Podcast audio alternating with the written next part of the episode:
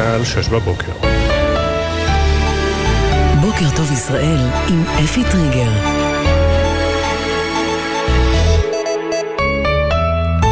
שלום לכם. בשעה זו מותרים לפרסום שמותיהם של שני חללי צה"ל שנפלו בצפון רצועת עזה, הודעות נמזרו למשפחותיהם. סמל בנימין מאיר ארלי, בן 21 מבית שמש, לוחם בגדוד 101 חטיבת הצנחנים. סרן במילואים רועי ביבר, בן 28 מצור משה, מפקד צוות ביחידת יהלום, חיל ההנדסה הקרבית. בנוסף, נפצע אמש קשה, לוחם בסיירת צנחנים בקרב בצפון הרצועה. כל המשפחות עודכנו. היום יובאו למנוחות שלושה מתוך ששת חללי צה"ל שנפלו בקרבות בעזה.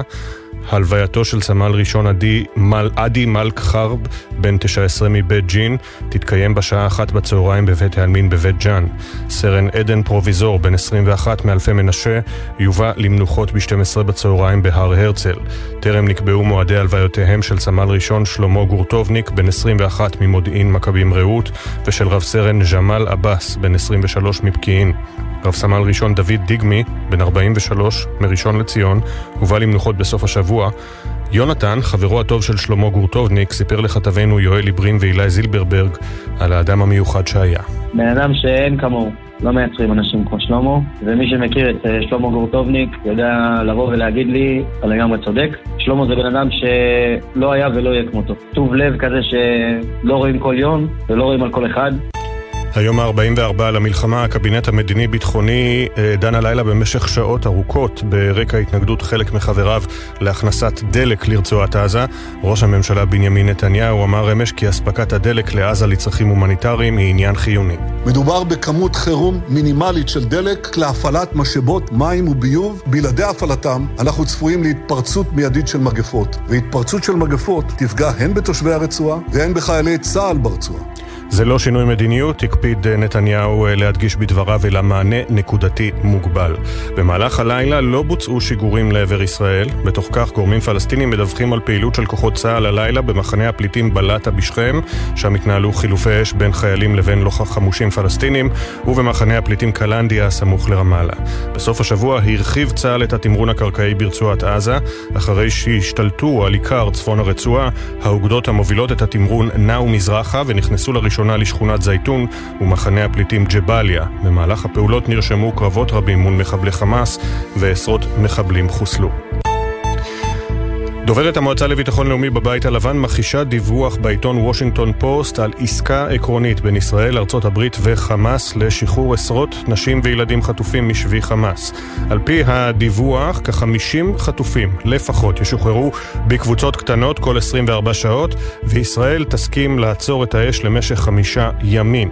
כאמור, אדריאן ווטסון, דוברת במועצה לביטחון לאומי בבית הלבן, מכחישה את הדיווח ואומרת, עדיין לא הגענו לעסקה, אבל אנחנו ממשיכים ממשיכים לעבוד קשה כדי להגיע לאחת שכזו.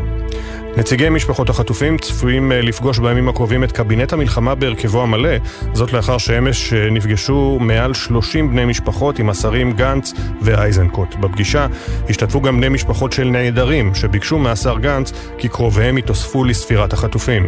בתום הפגישה התכנסו עשרות אלפי בני אדם בכיכר החטופים בתל אביב לעצרת תמיכה במשפחות. ניטה, סבתם של יהל בת השלוש ונווה בן השמונה שנחטפו לעזה, אמרה על הבמה, הסתכלו לנכדים הנכדים שלי בעיניים. אין לי עוד נכדים. שלפו אותם עם פיג'מה קצרה.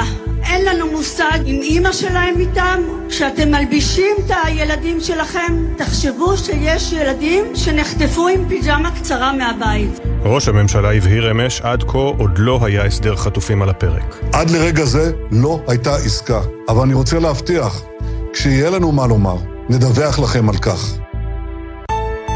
נשיא ארצות הברית ג'ו ביידן הצהיר אמש כי הוא מאמין שרצועת עזה והגדה המערבית צריכות להתאחד לממשל אחד והעדיפות היא במסגרת שלטון של הרשות הפלסטינית במתכונת אחרת. במאמר דעה בעיתון וושינגטון פוסט כתב נשיא ארצות הברית לא יכולה להיות עקירה בכוח של תושבי עזה מביתם. ראש הממשלה נתניהו אמר אמש בהתייחסו למאמר של ביידן הרשות הפלסטינית במתכונתה הנוכחית אינה מסוגלת לקבל את האחריות על עזה. אה, ראש הרשות אבו מאזן עדיין מסרב לגנות את רצח 7 באוקטובר שרים בכירים שלו חוגגים את הטבח, כך נתניהו. אכזבה לכדורגל הישראלי, הנבחרת הפסידה אמש 1-2 לרומניה ולא תעלה לאליפות אירופה 24 דרך שלב המוקדמות. כעת לנבחרת נותר סיכוי אחרון ולא גבוה לעלות לטורניר משלב הפלייאוף של ליגת האומות שיארך במרס. ערן זהבי שכבש את השער עבור ישראל במשחק מאמין כי הם יצליחו במשימה. אנחנו לא מורידים את הראש, אה, יהיה לנו עוד הזדמנות במרץ. אני לא מוותר על ההזדמנות האחרונה הזאת. יחזרו שחקנים חשובים, מנור, אה, עבדה אה, אולי. אנחנו נעשה את זה, אנחנו נעשה את זה. וביום שלישי המשחק האחרון בקמפיין המוקדמות באנדורה. מזג האוויר, גשם מלווה בסופות רעמים, צפוי לרדת הבוקר בצפון הארץ ובמרכזה, תיתכנה הצפות לאורך החוף. במהלך היום הגשם יתפשט עד לנגב, וייתכנו שיטפונות בנחלי המזרח והדרום, תנשבנה רוחות חזקות ותורגש ירידה בטמפרטורות. בחסות ביטוח ישיר, המציע דחייה בחודשיים של תשלומי ביטוח הרכב למחדשי הביטוח ולמצטרפים חדשים. ביטוח ישיר, איי-די-איי חברה לביטוח, כפוף לתקנון. בוקר טוב ישראל עם אפי טריגר. 606 גלי צה"ל, אה, היום יום ראשון, 19 בנובמבר 2023, ו' בכסלו תשפ"ד, השעה עכשיו 6 אה, ו-6 דקות. כאמור, אנחנו באולפן ב' של גלי אה, צה"ל, משדרים לכם את הבשורה המרה לעוד שתי משפחות שנמסרה הלילה, סמל בנימין מאיר ארלי, בן 21 מבית שמש, וסרן במילואים רועי ביבר, בן 28 מצור משה, שניהם נפלו בקרבות בצפון רצועת עזה, בנוסף לששת הנופלים אה, ששמותיהם הותרו לפרסום אה, אתמול. דורון קדוש, כתבנו לענייני צבא וביטחון, אנחנו פותחים איתך, דורון. כן, שלום אפי, אז אה, במהלך סוף השבוע הקשה הזה, שבו התחוללו קרבות עזים וקשים בין לוחמי צה"ל לבין מחבלי חמאס בצפון רצועת עזה, כשלוחמי צה"ל המשיכו להתקדם לכיוון מזרח עם התקדמות התמרון הקרקעי. בתמרון הקרקעי הזה ובהתקדמות ובקרבות האלה גם נקבע מחיר כבד, והבוקר מותר לפרסום שמותיהם של שני חללי צה"ל שמתאוספים למניין החללים, סמל בנימין מאיר ארלי, בן 21 מבית שמש, לוחם בגדוד 101 של חטיבת הצנחנים, שנפל בקרב בצפון רצועת עזה בהיתקלות מול מחבלים. יחד איתו באותו קרב נפלו שני לוחמים נוספים מהגדוד שלו, ששמותיהם פורסמו אתמול בערב. סרן במילואים רועי ביבר, בן 28 מצור משה, מפקד צוות ביחידת יהלום של חיל ההנדסה הקרבית, גם הוא נפל בקרב בתקרית אחרת בצפון הרצועה. בנוסף, אפי אתמול אה, אה, נפצע באורח קשה, לוחם בסיירת צנחנים, וגם משפחתו עודכנה ומטופל כעת בבית החולים. מניין חללי צה"ל בקרבות ברצועת עזה מתחילתו של התמרון הקרקעי עולה הבוקר ל-59. מה שקורה כרגע בתוך הרצועה זה שצה"ל מתחיל להתקדם לכיוון מזרח, כשעכשיו למעשה הכוחות כבר אה, שולטים בצורה די טובה על החלקים הצפוניים והמערביים של צפון הרצועה. עכשיו הכוחות אה, גם של אוגדה 36 וגם של אוגדה 162 מתקדמים לכיוון מרכז ג'באליה ולכיוון שכונת זייתון, אלה אזורים איפה שעד כה צה"ל לא נכח בהם קרקעית, אה, הלוחמים לא היו בהם והיקף הקרבות העזים שנרשמו במהלך סוף השבוע, מלמד גם על כך שגדודי חמאס באזורים האלה עדיין לא ספגו פגיעה משמעותית, אז לצה"ל צפויים עוד מספר ימים של לחימה בגדודים האלה, כדי להביא הישגים משמעותיים גם מולם ולהשיג שליטה בעוד אזורים בצפון הרצועה.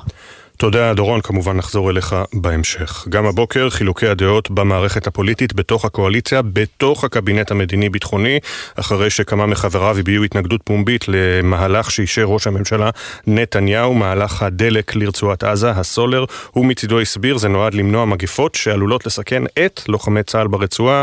אה, אחרי שעות ארוכות הסתיים דיון הקבינט, כתבנו המדיני יניר קוזין, שלום. שלום אפי, בוקר טוב. כן, אז ראש הממשלה בנימין נתניהו הסביר אתמול את השינוי באמירות בין ההצהרות לבין המציאות, בין ההצהרות שלו אך לפני עשרה ימים על כך שלא תיכנס טיפת דלק לרצועת עזה, לעומת המציאות בה ישראל מאפשרת ומאשרת הכנסת שתי מכליות מדי יום לרצועת עזה, שתי מכליות דלק כמובן.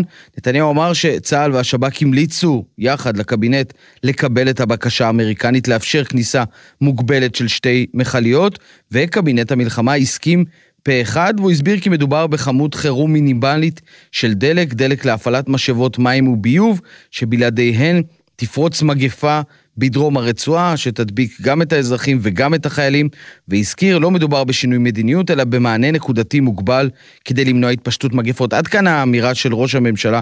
אתמול הדברים הללו לא מקובלים על לא מעט מחברי אה, הקבינט המדיני-ביטחוני, אותה ועדת שרים לביטחון לאומי מורחבת. בשעות הלילה התכנס הדיון הזה, שנקבע, צריך לומר, אחרי ההחלטה של מדינת ישראל לאפשר את כניסת המכליות. השרים הטיחו בראש הממשלה שהדבר אינו מקובל עליהם, הוא מנוגד להחלטה הקודמת של ועדת השרים לענייני ביטחון, אבל העניין הזה אפי עדיין שריר וקיים, והביקורת של השרים היא בעיקר נתפסת כביקורת, כרגע לפחות היא לא משפיעה על המהלכים שאושרו בקבינט המלחמה, כמו הכנסת הדלק לרצועה. תודה, יניר. צעדת משפחות החטופים הסתיימה אמש בירושלים אחרי חמש יממות בדרישה אחת לקבל תשובות מהעומדים בצמרת ההנהגה. הבוקר, כאמור, דיווח באתר וושינגטון פוסט על עסקה עקרונית, tentative deal באנגלית, בין ישראל, חמאס אה, וארצות הברית, אה, ולפיה ישוחררו לפחות 50 חטופים, חמש יממות של שקט ושחרור בפעימות של פעם ב-24 שעות.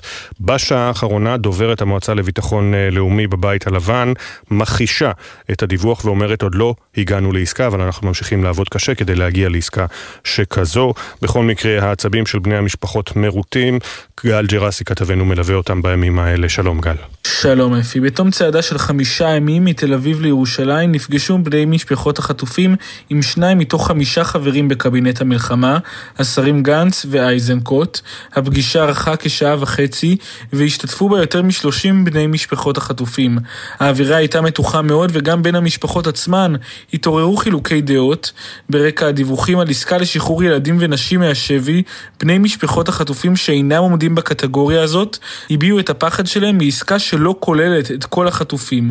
תסכול רב הופנה גם לשרים עצמם, כשאלו מיעטו לענות על השאלות שהופנו אליהם. לאחר הרבה זעם כלפיו, השר גנץ פנה למשפחות והבטיח להן, תמונת הניצחון שלי כוללת את החזרת כל החטופים, גם אלו מצוק איתן, וכוללת גם בניית כל הבתים שנשרפו. מיד עם תום הפגישה החלה העצרת בכיכר החטופים, עשרות אלפים הגיעו לאירוע ברחבת מוזיאון תל אביב, שמתקיים כבר שבוע שלישי ברציפות. ביום שני אפי יפגינו המשפחות מול בניין ארגון יוניסף של האו"ם בתל אביב, ובהמשך השבוע, בעקבות הבטחת ראש הממשלה נתניהו, צפויות המשפחות להיפגש עם קבינט המלחמה, בהרכב המלא שלו. תודה גל, כמעט 6 ו-13 דקות, אה, עוד לפני כותרות העיתונים, העדכונים אה, העצובים אה, של הבוקר, כאמור, הותרו לפרסום שמותיהם של שני חללי צה"ל, הודעות נמסרו למשפחותיהם, הם נפלו בקרבות בצפון הרצועה, סמל בנימין מאיר ארלי, בן 21 מבית שמש, סרן במילואים רועי ביבר, בן 28 מצור משה, בנוסף לוחם סיירת צנחנים, נפצע אתמול קשה בקרב בצפון הרצועה, גם משפחתו עודכנה, וכאמור, בשעות האחרונות חרך את הרשת דיווח דיווח של וושינגטון פוסט על עסקה טנטטיבית, עסקה עקרונית לשחרור כ-50 חטופים, לפחות 50, כך נכתב שם, אה, תמורת חמישה ימי הפוגה בלחימה. היו שם הרבה מאוד פרטים בדיווח הזה, בין היתר שההסכם אה, מתפרס על פני שישה עמודים מפורטים, שישראל הסכימה גם להעביר דלק לרצועה, אה, שהוסכם שישראל תוכל להמשיך לפטרל מהאוויר ברצועה במהלך ימי הפסקת הלחימה, ושהחטופים ישוחררו בפעימות מקבץ כל 24 24 שעות, אבל לפני שעה קלה, אדריאן ווטסון, דוברת המועצה לביטחון לאומי בבית הלבן, מכחישה אה, ואומרת, לא הגענו לסיכום, אין הסכם, אנחנו ממשיכים לעבוד קשה כדי שיהיה הסכם, אבל אין הסכם. עכשיו אל העיתונים בישראל היום. צה"ל הרחיב את הפעילות בג'באליה וזייתון, נגיע למחבלים גם בדרום הרצועה ותמונות ששת הלוחמים ששמותיהם הותרו לפרסום אתמול שנפלו. ידיעה בלעדית של יהודה שלזינגר, סערת היום שאחרי, במכתב חריף שהעביר סמוטריץ' לגלנט, התנגד להתעסקות בשאלה בדרג הביטחוני. פוגע בלחימה. לא הבנתי את המשנה, אז ניכנס לידיעה עצמה, אולי זה יהיה יותר ברור. סמוטריץ', מערכת הביטחון עוסקת ביום שאחרי... אה, סמוטריץ' כועס על מערכת הביטחון שהיא מקיימת דיונים על היום שאחרי. אה, שלזינגר מפרסם את המכתב לראשונה בישראל אה, היום. בעלי תפיסת הקונספציה עוסקים בזה להפסיק מיד. קורא סמוטריץ' אה, לשר הביטחון. נזכיר, זה לא המכתב היחיד שהוא כותב בסוף השבוע הזה, במקרה או שלא במקרה, אחרי הסקרים הלא מחמיאים מבחינתו שפורסמו בסוף השבוע. בידיעות אחרונות, התמונה הגדולה בשער של אלכס קולומויסקי, צעדת הכאב והתקווה, זו הכותרת, רבבות השתתפו בצעדת משפחות החטופים שהחלה לפני חמישה ימים והסתיימה אתמול בעצרת מול משרד ראש הממשלה בירושלים. הגיבורים שלא ישובו, הלוחמים שנפלו במערכה, תמונות ששת הלוחמים ששמותיהם הותרו אתמול לפרסום, כאמור הבוקר הותרו שמותיהם של עוד שניים, וגם אה, יואב קרן ויובל חן מדווחים, זה מה שנותר בגיא ההריגה, ולירן לוי מספר שעל פי אה, ממדי הזוועה שרק עכשיו נחשפים במסיבה ברעים, 364 נרצחו שם, 40 נחטפו, 7 שעות של גיהנום עברו שם על האנשים שבאו למסיבה לרקוד. שמעון שיפר קורא לקבל את העסקה, אין ברירה אלא להסכים. גיורא איילנד קורא לא לפחד מהעולם. בהארץ הכותרת הראשית שייכת לעמוס הראל, צה"ל הרחיב את פעילותו בעזה, חמישה חיילים נהרגו, אה, כאמור זו כותרת מעודכנת לאתמול בלילה. בקבינט חלוקים באשר לעסקת החטופים. אה, התמונה בשער שצילמה נעמה גרינבאום אה, של קרובי משפחות החטופים, אני רואה כאן את ההורים של אופיר אנגל, בן ה-17, מחבקים אחד את השנייה, אני מניח שאלה ההורים לצידם. אישה נושאת תמונות של ילד קטן ואב צעיר ולתמונות מהצעדה אתמול מסיום הצעדה והעצרת מול, העצרת מול משרד ראש הממשלה. מתחת לקיפול בהארץ, צבי בראל כותב על מגבלות הכוח, וג'קי חורי כותב על החזית השלישית. אה, מתחילת המלחמה נהרגו בגדה המערבית עשרות רבות של בני אדם. אה, לפי משרד הבריאות, ברמאללה מספרם הגיע ל-210. בישראל אומרים אמנם שרבים מההרוגים הם מבוקשים, המעורבים בטרור, אבל בחברה הפלסטינית לא ממש מבחינים ביניהם, זה, של, זה מאת ג'קי חורי. במעריב, זעקת המשפחות, תמונה מהעצרת אתמול, ומתחתיה הפעולה מתרחבת, נמשכת פעילות צה"ל בעזה עם תמונות הנופלים שהותרו אתמול לפרסום. בג'רוזלם פוסט, אה, הכותרת הראשית גם מעודכנת לאתמול, Five soldiers killed as IDF continues Gaza operation, אה, נפלו בקרב חמישה חיילים, אה, בעוד צה"ל ממשיך במבצע הקרקעי בעזה. אה, ומתחת לקיפול בג'רוזלם פוסט, ראש הממשלה אומר Israel didn't enter Gaza to hand it over to PA, ישראל לא אה, נכנסה לעזה כדי בסוף למסור אותה לרשות הפלסטינית. ביתד נאמן, העיתון לחברה החרדית, זירות המלחמה מתרחבות אה, וגם עסקת החטופים במבוי סתום, ביידן מזהיר מכיבוש עזה וצפי למזג אוויר סוער בימים הקרובים. אם יהיה לנו זמן, גם בהמשך נחזור עם כותרות נוספות הנוגעות ללחימה.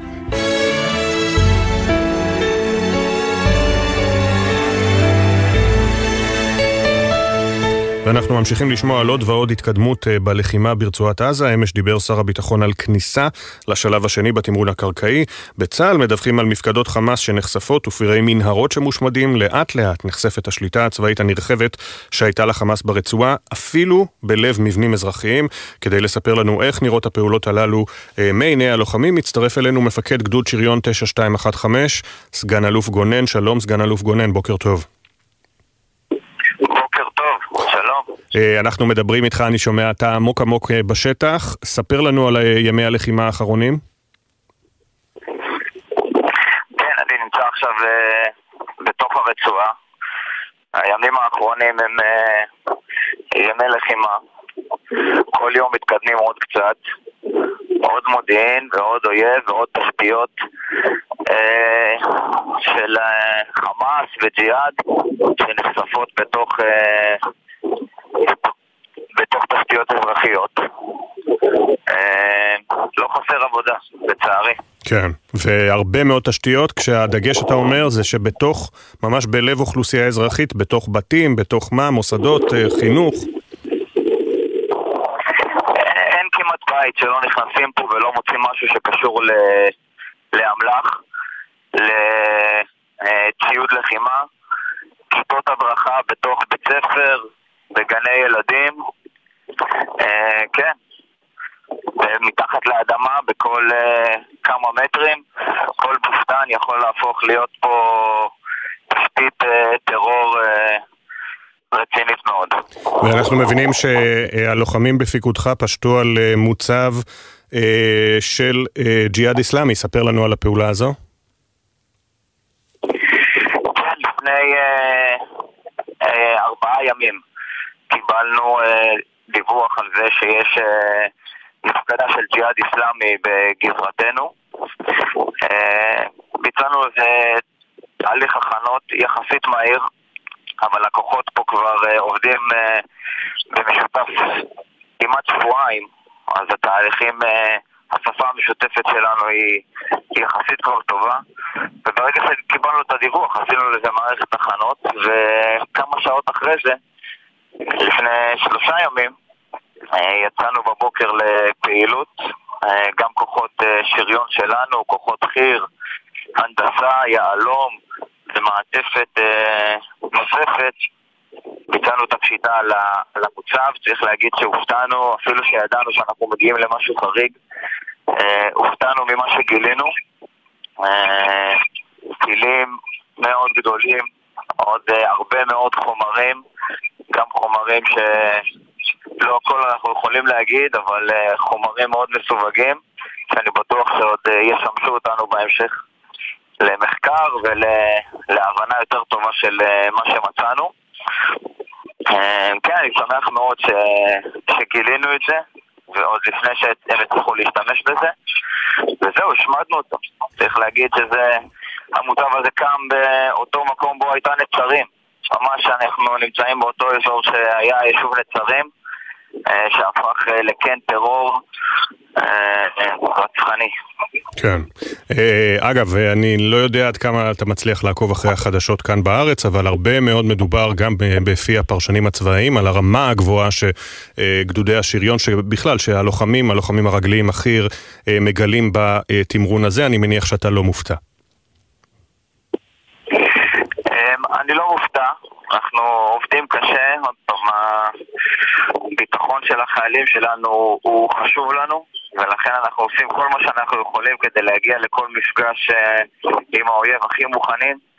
צריך להגיד שאם אם, אם, ברגע שאנחנו עושים את מה שלמדנו בבתי ספר הצה"ליים שלנו, אנחנו, כל מפגש אה, מסתיים פה, ב, לא, אני לא אגיד בצורה יהירה, אבל לרוב אנחנו כל מפגש כזה מנצחים.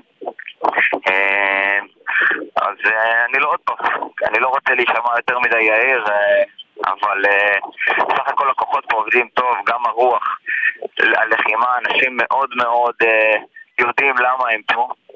נמצאים פה כבר תקופה מאוד ארוכה. הרוב אומרים לא רוצים לצאת החוצה כי אולי הם לא יחזרו להמשיך בלחימה אבל גם מי שיוצא חוזר במוטיבציה גבוהה יותר. אה, אז כן, יש פה תחושה שאנחנו יודעים מה אנחנו עושים, וברגע שאנחנו עושים את מה שלמדנו, עושים אותו לאט, אנחנו עושים אותו גם uh, טוב. יפה, אז נאחל לכם כמובן uh, בהצלחה רבה, תשמרו על עצמכם שם בעזה, ואני uh, מניח שעדכנו אתכם שהולך לרדת הרבה גשם היום ומחר. לגשם אנחנו מוכנים, אבל גם בגשם אנחנו יודעים להילחם. אבל uh, טוב לשמוע, טוב לשמוע מהארץ. יש לך טלפון uh, אולי uh, שנייה שלי עם, הארץ. אז זהו, שתהיו חזקים, אנחנו באמת בטוב פה. ונהיה פה כמה זמן שנצטרך. רגע, סגן אלוף גונן, ירביצו לי אם אני לא אבקש ממך כמובן למסור מסר אישי הביתה. כן, כמובן, לאשתי האהובה אגב, ולילדים שלי, רועי ובארי, להורים, אה, שאני אוהב אותם, ואני ממש מקווה שנתראה בקרוב. ולכל עם ישראל, אתם אה, גיבורים. אתם גם גיבורים כמובן, תודה רבה, סגן אלוף גונן, מפקד גדוד שריון 9215, אנא מסור לכל חייליך ומפקדיך וקציניך המון המון המון תודה על כל מה שאתם עושים, ותשמרו על עצמכם. תודה רבה, גאווה גדולה, אני אמסור. תודה רבה, שיהיה לכם שבוע טוב. 6.24 במערכת החינוך מנסים אה, עדיין לחזור לשגרה, אך גם כעבור אה, שישה שבועות, ובפתח השבוע השביעי מאז 7 באוקטובר, ילדים רבים עדיין נותרו ללא מסגרת חינוכית. לפי נתוני משרד החינוך, 20% ממוסדות הלימוד אינם ממוגנים לפי ההנחיות. היום לישיבת ועדת החוץ והביטחון בנושא יגיע נציג הנהגת ההורים הארצית, שיציג נתונים מטרידים המעידים. מדובר על אחוזים גבוהים בהרבה. כתבתנו לענייני חינוך יובל מילר, שלום. שלום אפי, בוקר טוב. משרד החינוך ממשיך לעודד את אנשי החינוך להחזיר את התלמידים ללמידה פנים אל פנים. באמת, במרבית הרשויות בארץ לכאורה אפשר לחזור ולקיים שגרת לימודים בחירום לפי הנחיות פיקוד העורף, אבל בשטח ראשי הרשויות מתריעים כי הם לא מצליחים להחזיר את התלמידים לשגרת לימודים תקינה. הסיבה העיקרית היא מחסור משמעותי במרחבים מוגנים במוסדות הלימוד וסמוך עליהם. לפי הנתונים של משרד החינוך כרגע לפחות 20% ממוסדות החינוך לא ממוגנים, אבל הנתונים העדכניים מצביעים לכאורה על תמונה אחרת לגמרי וחמורה יותר. הנהגת ההורים הארצית ביצעה פילוח מקיף בקרב הרשויות בארץ והגיעה למסקנה שמרבית מוסדות הלימוד בארץ אינם ממוגנים, אחוז גבוה יותר מהנתון שיש כרגע במשרד החינוך. אי אפשר לחשוף בשלב הזה את הנתונים המלאים, אבל יושב ראש הנהגת ההורים הארצית מרום שיף הוזמן לישיבה סגורה של ועדת חוץ וביטחון שתתקיים היום בעקבות התוצאות הללו והוא גם יציג אותן שם במלואן. צריך להגיד אפי, גם בבתי ספר שיש בהם מרחבים מוגנים, לא כולם יודעים לאכלס את כל התלמידים. בימים האחרונים שוחחנו עם ראשי רשויות שדרשו תקציבים כדי לטפל בנושא. במשרד החינוך אמרו לנו שנדרשים תקציבי עתק כדי לממן חידוש ובנייה של מרחבים מוגנים בבתי הספר. כרגע תקציבים אין, אבל צוותי ההוראה מנסים למצוא את הפתרונות הבטוחים ביותר עם מה שיש כרגע בשטח. תודה רבה, יובל מילר, כתבתנו לענייני חינוך, עכשיו 6.26, אנחנו עם אה, כותרות מעיתוני הכלכלה. בכלכליסט, כותרת גדולה, המחדלים והכישלונות מאז האסון של 7 באוקטובר, מחזקים את המסקנה נתניהו חייב ללכת, ואנחנו רואים פה שני, שני ראשי פרקים. אדריאן פילוט כותב הכלכלה הופקרה בידי סמוטריץ', נתניהו הפקיר את הכלכלה לחלוטין. יובל אזולאי כותב מערכת הביטחון סומנה כיריב, כתבי כלכליסט בעמודים 2 עד 7 עם הסיקור המלא. עוד אה, בכלכליסט אה, בלעדי, ישראל עצרה עסקה למכירת מאות טנקי מרכבה ורוכשת עשרות דחפורי ענק. העסקה בוטלה על רקע ההחלטה להגדיל מחדש את כוחות השריון.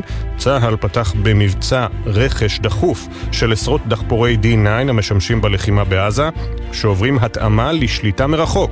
הפרטים המלאים מפי יובל אזולאי בעמוד 8 בכלכליסט. עוד סיפור שבלט מאוד בסוף השבוע, לא קשור ללחימה, אה, והוא לא מעודכן עד הסוף היום בעיתונים הכלכליים, זה ההדחה של סם אלטמן, הכוכב הבלתי מעורער של מהפכת הבינה המלאכותית, שהושלך מהחברה OpenAI, שהקים והביאה לעולם את צ'אט GPT. העדכון האחרון שאתם לא תמצאו היום בעיתוני הכלכלה, בסוף השבוע הודח, עכשיו בעלי המניות פתחו איתו במגעים לחזרתו לתפקיד המנכ"ל. לא יאמן. אבל זה כאמור לא קשור למלחמה.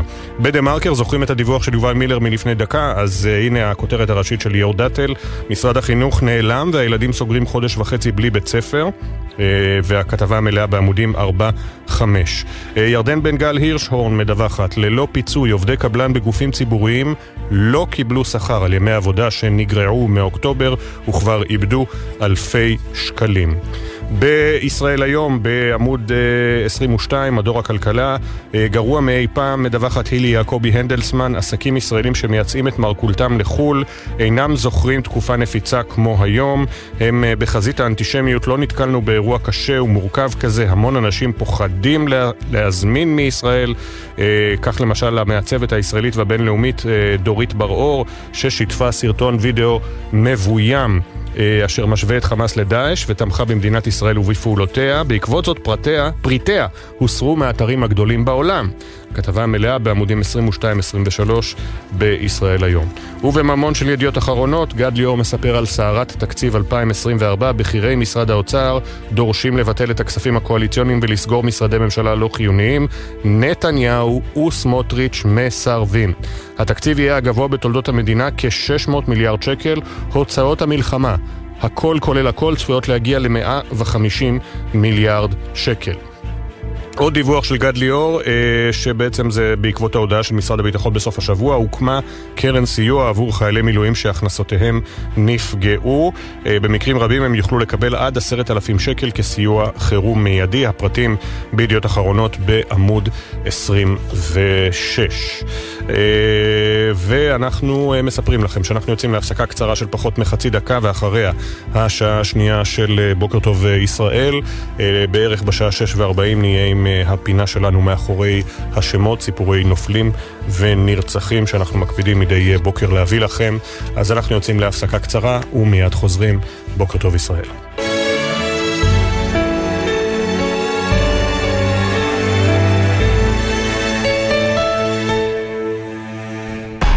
אתם מאזינים לגלי צה"ל. בימים כאלה אין דבר יותר מרגיע מקולה של אימא. גלי צה"ל מחבקת את האימהות במתכונת מיוחדת של קולה של אימא. כמו אהבה של אימא. בכל יום, מראשון עד חמישי, בשבע בערב, ובשישי בעשר בבוקר, עם ניידת השידור, מבסיסים ברחבי הארץ. רוצים למסור דשים בשידור? כתבו לנו בוואטסאפ 052-920-2323. גלי צה"ל פה איתכם, כל מקום, כל הזמן. עכשיו בגלי צה"ל, אפי טריגר, עם בוקר טוב ישראל. שש ושלושים בדיוק הכותרות. הבוקר הותרו לפרסום שמותיהם של שני חללי צה"ל שנפלו בקרבות בצפון הרצועה, הודעה נמסרה למשפחותיהם. סמל בנימין מאיר ארלי, בן 21 מבית שמש, לוחם בגדוד 101, חטיבת הצנחנים. סרן במילואים רועי ביבר, בן 28 מצור משה, מפקד צוות ביחידת יהלום, חיל ההנדסה הקרבית. בנוסף, נפצע אמש קשה בקרב בצפון הרצועה, לוחם בסיירת צנחנים, משפחתו עודכנה. היום יובאו למנוחות שלושה מששת חיילי צה"ל שנפלו בקרבות בעזה ושמותיהם הותרו אמש לפרסום. הלווייתו של סמל ראשון עדי מאלק חרב, בן 19 מבית ג'אן, תתקיים בשעה אחת בצהריים בבית העלמין בבית ג'אן. סרן עדן פרוביזור, בן 21 מאלפי מנשה, יובא למנוחות ב-2.30 אחר הצהריים בבית העלמין ביישוב. סמל ראשון שחר פרידמן, בן 21 מירושלים, יובא למנוחות ב-2 בצהריים בחלקה הצבאית בהר הרצל. טרם נקבעו מועדי הלוויותיהם של סמל ראשון שלמה גורטובניק, בן 21 ממודיעין מכבים רעות, ושל רב סרן ג'מאל עבאס, בן 23 מפקיעין. רב סמל ראשון דוד דיגמי, בן 43 מראשון לציון, הובא למנוחות בסוף השבוע. יונתן, חברו הטוב של שלמה גורטובניק, סיפר לכתבינו יואל עיברים ואילי זילברברג על האדם המיוחד שהיה. בן אדם שאין כמוהו, לא מייצרים אנשים כמו שלמה, ומי שמכיר את אה, שלמה גורטובניק יודע לבוא ולהגיד לי, אתה לגמרי צודק. שלמה זה בן אדם שלא היה ולא יהיה כמותו. טוב לב כזה שלא רואים כל יום ולא רואים על כל אחד. היום ה-44 למלחמה, הקבינט המדיני-ביטחוני המורחב התכנס הלילה לדיון ארוך ברקע התנגדות של חלק מחבריו להכנסת דלק לרצועת עזה. ראש הממשלה בנימין נתניהו הסביר אמש שאספקת הדלק היא לצרכים הומניטריים וחיונית למניעת מגיפות ברצועה. הוא הדגיש שזה לא שינוי מדיניות, אלא מענה נקודתי מוגבל. במהלך הלילה לא בוצעו שיגורים לעבר ישראל. בתוך כך, גורמים פלסטינים מדווחים על פעילות כוחות צה"ל במחנה הפליטים בלטה שבשכם ובמחנה הפליטים קלנדיה הסמוך לרמאללה. בסוף השבוע הרחיב צה"ל את התמרון הקרקעי ברצועה. אחרי שהשתלטו על עיקר הצפון, האוגדות המובילות את התמרון נעו מזרחה ונכנסו לראשונה לשכונת זייתון ולמחנה הפליטים ג'באליה. במהלך הפעולות נרשמו קרבות רבים מול מחבלי חמאס, עשרות, עשרות מחבלים חוסלו. שוחחנו בבוקר טוב ישראל עם סגן אלוף גונן, מפקד בגדוד השריון 9215, שנמצא בלב הפעילות ברצועה. כל יום מתקדמים עוד קצת. עוד מודיעין ועוד אויב ועוד תשתיות. אין כמעט בית שלא נכנסים פה ולא מוצאים משהו שקשור ל... לאמל"ח. כיתות הדרכה בתוך בית ספר, בגני ילדים, בבית הלבן מכחישים דיווח לילי בוושינגטון פוסט שלפיו ישראל, ארה"ב וחמאס הגיעו להסכם עקרוני על עסקת אה, שחרור חטופים. על פי הדיווח ישוחררו לפחות 50 חטופים, עשרות נשים וילדים, משבי חמאס, בתמורה להפסקת אש בת חמישה אה, ימים. השחרור יתבצע בקבוצות קטנות מדי 24 שעות. אדריאן ווטסון, דוברת המועצה לביטחון לאומי בבית הלבן, מכחישה את הפרטים וכותבת בחשבון אה, ה-X לשעבר טוויטר שלה, עדיין לא הגענו לעסקה. אבל אנחנו ממשיכים לעבוד קשה עבור אחת שכזו. משפחות החטופים צפויות אה, לפגוש בימים הקרובים את קבינט המלחמה בהרכבו המלא, זאת לאחר שאמש נפגשו מעל 30 מבני המשפחות עם השרים גנץ ואייזנקוט. בפגישה השתתפו גם בני משפחות של נעדרים, שביקשו מגנץ שקרוביהם יתוספו לספירת החטופים. בתום הפגישה התכנסו עשרות אלפים בכיכר החטופים בתל אביב לעצרת תמיכה במשפחות.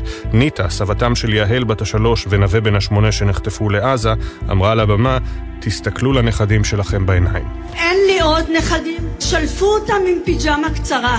אין לנו מושג אם אימא שלהם איתם. כשאתם מלבישים את הילדים שלכם, תחשבו שיש ילדים שנחטפו עם פיג'מה קצרה מהבית. אין עדכוני תנועה לנהגים מאולפן גלגלצ בשעה זו ומזג האוויר. חור פי, גשם מלווה בסופות רעמים, צפוי לרדת הבוקר בצפון ובמרכז. תיתכנה הצפות לאורך החוף.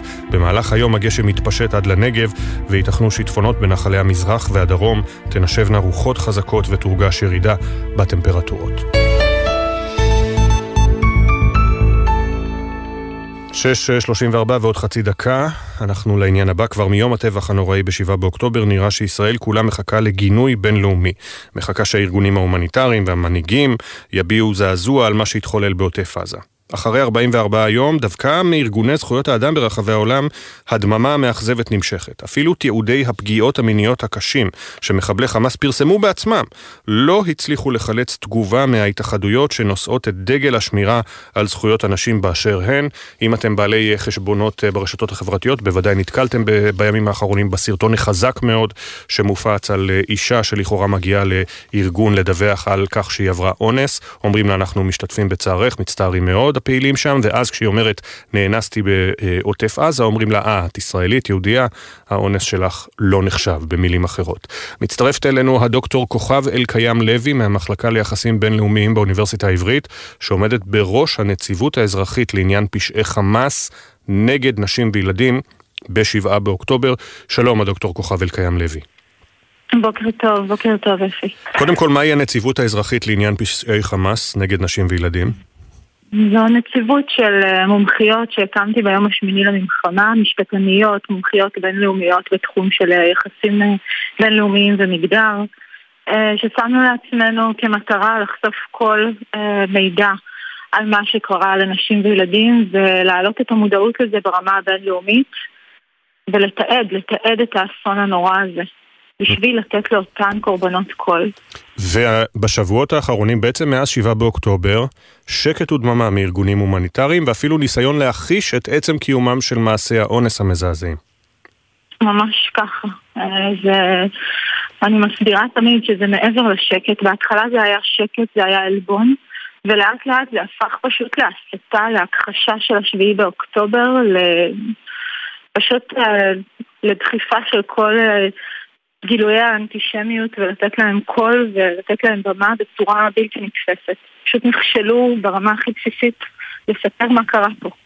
ו... לגלות אנושיות. Mm-hmm.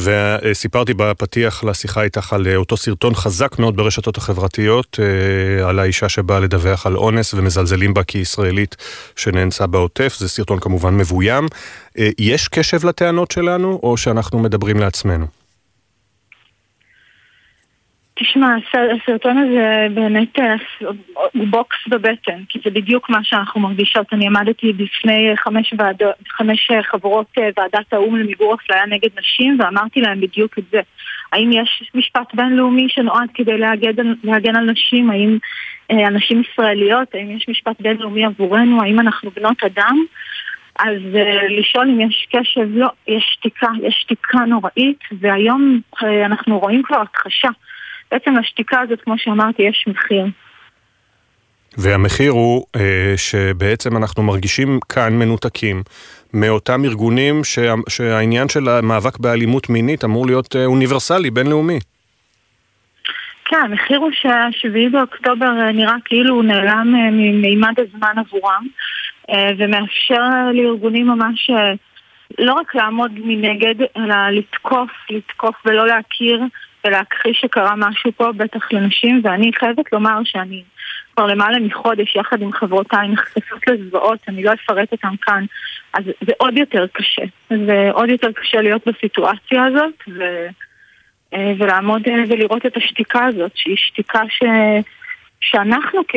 כמומחיות בתחום יודעות עד כמה נשים כל פעם נתקלות מול אותם מנגנוני אי אמון ודווקא ארגוני נשים היו אמורים לבוא ולומר, אנחנו מאמינים, אנחנו איתכם, אנחנו עומדים איתכם בסולידריות, אנחנו אה, יודעים ויודעות שעוברים עליכם ימים נוראים, אז אה, זה כל כך חסר, זה פשוט אה, בלתי נתפס. מה אפשר, לעז... מה אפשר לעשות כדי לעזור לכן? להמשיך להעלות את זה למודעות. אה, אנחנו אתמול עשינו קמפיין ענקי, אני רוצה לספר על הצלחה קטנה. יצא, יצא איזושהי מכתב מכחיש על ידי איגוד מרכזי הסיוע לנפגעי תקיפה מינית בקנדה, באלברטה קנדה, ואנחנו ככה שיתפנו את ה... שיתפנו מילים כואבות על ההכחשה הזאת. ובעצם אלפים הצטרפו אלינו, אז זה משמעותי לעקוב בטוויטר, לשתף, להגיב, לעשות כל מה שאפשר, ואנחנו נמשיך להיות בקשר, נשתף אותך בכל מה ש... בכל מה שאנחנו עושות בזירה הבינלאומית. הדוקטור כוכב אלקיים לוי, תודה רבה שדיברת איתנו ושיהיה לכם בהצלחה. תודה רבה, תודה אפי.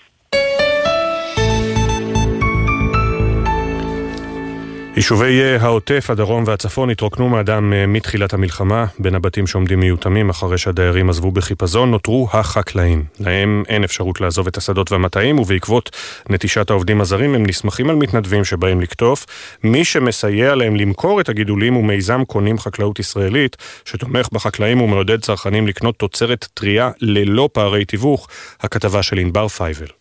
מה קניתי היום? עוגיות ותפוזים. אם אני הולכת לקניות ולא כתוב תוצרת ישראל, מהשביעי לחודש, אז אני לא קונה. אתי ושוש הן שתיים מתוך מאות תושבי רמת השרון שהגיעו ביום חמישי האחרון לשוק קונים חקלאות ישראלית. בכל שבוע מגיע השוק ליישובים ברחבי הארץ ומוכר תוצרת של חקלאים ועסקים קטנים מהדרום, מהעוטף ומהצפון, שנקלעו לקשיים בעקבות המלחמה. השוק מציע פירות, ירקות, עוגות ועוגיות, וגם פרחים של משק בן צבי מנתיב העשרה. לשמחתה של נחמה ליפשיץ שהצטיידה לקראת שבת. קודם כל יש כאן ליזנטיוס בצבע ורוד, עתיק, שאני מאוד אוהבת את הפרחים האלה. ואני באתי להשקיע קצת, שיהיה להם אפשרות להתאושש. והנה, את רואה, אני הולכת לקנות את זה, שיהיה לי לשבת. זהבה, שהתנדבה למכור את הפרחים של בן צבי בשוק, מספרת שהפרחים נקטפים בעזרת מתנדבים רבים, לעתים ממש תחת אש. הפרחים נקטפים בלילה, מגיעים אלינו למחרת לפה, וזה מחמם את הלב לראות שעם ישראל תומך, כי ממה שאני מבינה נהרסו להם חממות שם, ותחת ירי קוטפים כשהצבא שומר עליהם. חברים, אנחנו בנתיב העשרה, אתם שומעים את הפיצוצים, קוטפים תחת אש. חבר'ה, תראו איזה מתנדבים הגיעו אלינו. גם יצחק תשובה ממושב שקף שבדרום נותר ללא עובדים. הרימונים שהוא מוכר נקטפו ברגע האחרון על ידי מתנדבים. הרימונים עולים 15 שקל למארז, יש כאן שני קילו, ושתדע שבמקרה שלך, רימון אחד כל יום, שיער שחור, בלורית ובחורות קופצות עליך. כרגע יש, במונחים שלי, מגה פיגוע בחקלאות. אני יכול להגיד שמה שמציל אותנו זה עכשיו המתנדבים שבאים לעזור. בינתיים אנחנו מצליחים להחזיק, אבל אני לא יודע עד לאן וכמה. מבינים שמלחמה, אבל זה לא פחות ממגה פיגוע. בחמ"ל של קונים חקלאות ישראלית יש 50 מתנדבים שעוזרים לחקלאים בכל צורך, מהרגע שלאחר קטיפת התוצרת ועד מכירתה. הדוקטור מיכל ביטרמן, מנכ"לית The Natural Step ישראל והיוזמת שמאחורי קונים חקלאות ישראלית, שואפת להמשיך לקיים את השווקים גם ביום שאחרי המלחמה. חקלאות ישראלית היא בסיס עצום בחוסן של מערכת המזון. ברגע שנסמכים הכל על ייבוא, אז במצבים כמו אסון, כמו קורונה, מגפה עולמית, אין לנו. הרעיון של השווקים האלה זה לייצר קבוצות של קהילה שמתכנסות סביב החקלאי, ופתאום הדבר שמושך אותם והדבק הוא הסולידריות, שעד לפני האסון הלכנו לסופר, קנינו, לא עניין אותנו ייבוא, לא ייבוא, עניין אותנו בקושי המחיר. נזקי המשנה של המלחמה משפיעים יום יום על החקלאים ומורגשים גם בכיס של הצרכנים. מיזם קונים חקלאות ישראלית מאמין שהמענה לצרכים החדשים שהתעוררו הוא סולידריות חברתית. אנחנו תושבות רמת השרון ויש לנו זכות לבוא לפה. חשוב לקנות חקלאות ישראלית תמיד, עכשיו יותר מתמיד.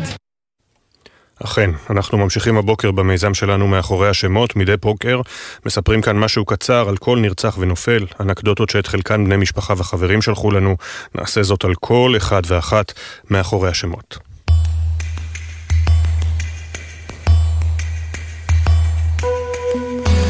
עדן דוד משה, בן 27, נרצח במסיבה ברעים. אחותו נטלי מספרת לנו שעדן היה מצטיין בכל, עוד בנעוריו. בחר ללמוד הנדסת חשמל ואלקטרוניקה ולא התלבט. במסיבה נרצחו גם ארבעה מחבריו הטובים. יפתח דן טוויג, שתמיד חי את הרגע ואף פעם לא הפסיק לצחוק, אפילו כשקפץ ראש למים רדודים ושבר את האף. דור תואר שהיה שאפתן וכל הזמן התאמן והתחזק עד כדי כך שמספרים שהיו לו שרירים מברזל. בן בנימין כהן, שבילה זמן קצר לפני מותו בחתונה של חבר והפך למסמר הערב, הוא ייזכר בתור הבחור עם השופר, וחברתם, תמר גוטמן, שהייתה סטודנטית למשפטים ולא נתנה לקושי הבריאותי שאיתו התמודדה לעצור בעדה, על גופה קעקעה את משאלת ליבה, למות עם זיכרונות ולא עם חלומות.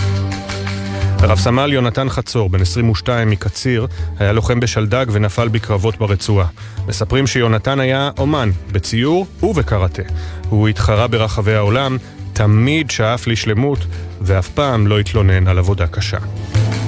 עדי דגן נרצח בביתו בקיבוץ בארי כשהוא מגן בגופו על אשתו. עדי היה איש שלום והתנדב בהסעת תושבים מרצועת עזה לבתי חולים בארץ. הוא היה בוס יוצא דופן, מהסוג שגם ביציאה לפנסיה מזמין עובדים לערב קוקטיילים כשהוא מברמן. עמית לוי, בת 22 מחולון, נרצחה במסיבה ברעים. למסיבה הגיעה עם אחותה התאומה שני, שהצליחה לשרוד את הטבח. יחד הן סיימו שירות משמעותי כלוחמות. חברתה ליאן מספרת לנו על הילדה החייכנית שנהגה לקרוא להפיץ אהבה וחיוכים לכל עבר. אלוף משנה רועי יוסף לוי, בן 44 משבי ציון, היה מפקד היחידה הרב-ממדית. רועי השיא משואה ביום העצמאות, הוסמך גם כמשפטן, את הטקסים לסיום הלימודים החמיץ פעמיים, כשנפצע קשה במבצע עופרת יצוקה, ונפצע אנושות בצוק איתן. לאחר שיקום ארוך התעקש לחזור להילחם, ולבסוף גם קיבל את התעודה מול קהל מריע. אבי זקוטו, בן 53, נרצח באופקים. הוא כונה אבי היפה וניהל סניף של שופרסל בעיר. העובדים מספרים שנתן להם ולסניף את הנשמה. הוא אהב במיוחד את הכנרת. כשהיה שם נהג להמתין לזריחה עד הבוקר, מחכה ליום חדש, מחייך ומרגיש הכי שלם שיש. סלה, סמל ראם מאיר בטיטו, בן 19 מנתניה, לוחם בגדוד 51 שבחטיבת גולני. ראם למד בפנימייה הצבאית לפיקוד בחיפה, שם היה מצטיין ובלט בלימודי הפיזיקה. הוא חלם להגיע לקורס טיס, והצליח, אולם בהמשך השירות מצא את מקומו בגולני, כדי לפקד ולהנהיג עם הכומתה החומה. אליה אילוז מאשקלון נרצח במסיבה ברעים. שם הבמה שלו היה די.ג'יי אילוז'ן, והוא חלם להרים את המסיבות הכי גדולות בעולם. לכל מי שפנה אליו הבטיח אירוע בלתי נשכח שכולם ידברו עליו. גיורא דובדבני נרצח בקיבוצו תלמי יוסף. גיורא, האיש והשפם, ניצח את הסרטן. למרות התחנונים של שאר המשפחה, ישב במרפסת, הדליק סיגריה אחרי סיגריה ועישן בנחת. אביו, אליהו, היה מנהל הביטחון במסיבה ברעים ונרצח בטבח. אשתו לירון מספרת לנו שאביו תמיד שמח בחלקו, והתאפיין באמונה שיהיה בסדר. אך עם זאת היה קפדן בעבודתו, לא הסכים לעגל אף פינה, גם בפרטים הקטנים ביותר. סמל ראשון יונתן יצחק סמו, בן 21 מכרמי צור, היה לוחם בגדוד 202 חטיבת הצנחנים, ונפטר מפצעיו לאחר שנפצע בקרב במרכז רצועת עזה. כשסמו, בפי חבריו, חזר מהצבא, לא היה לו רגע דל, בין קפיצה למעיינות או נסיעות לים עם חברים מהישיבה, מהמכינה ומהיישוב. מעיינה הרשקוביץ, בן זוגה נוח הרשקוביץ ואימה שושנה קרסנטי נרצחו בקיבוץ בארי.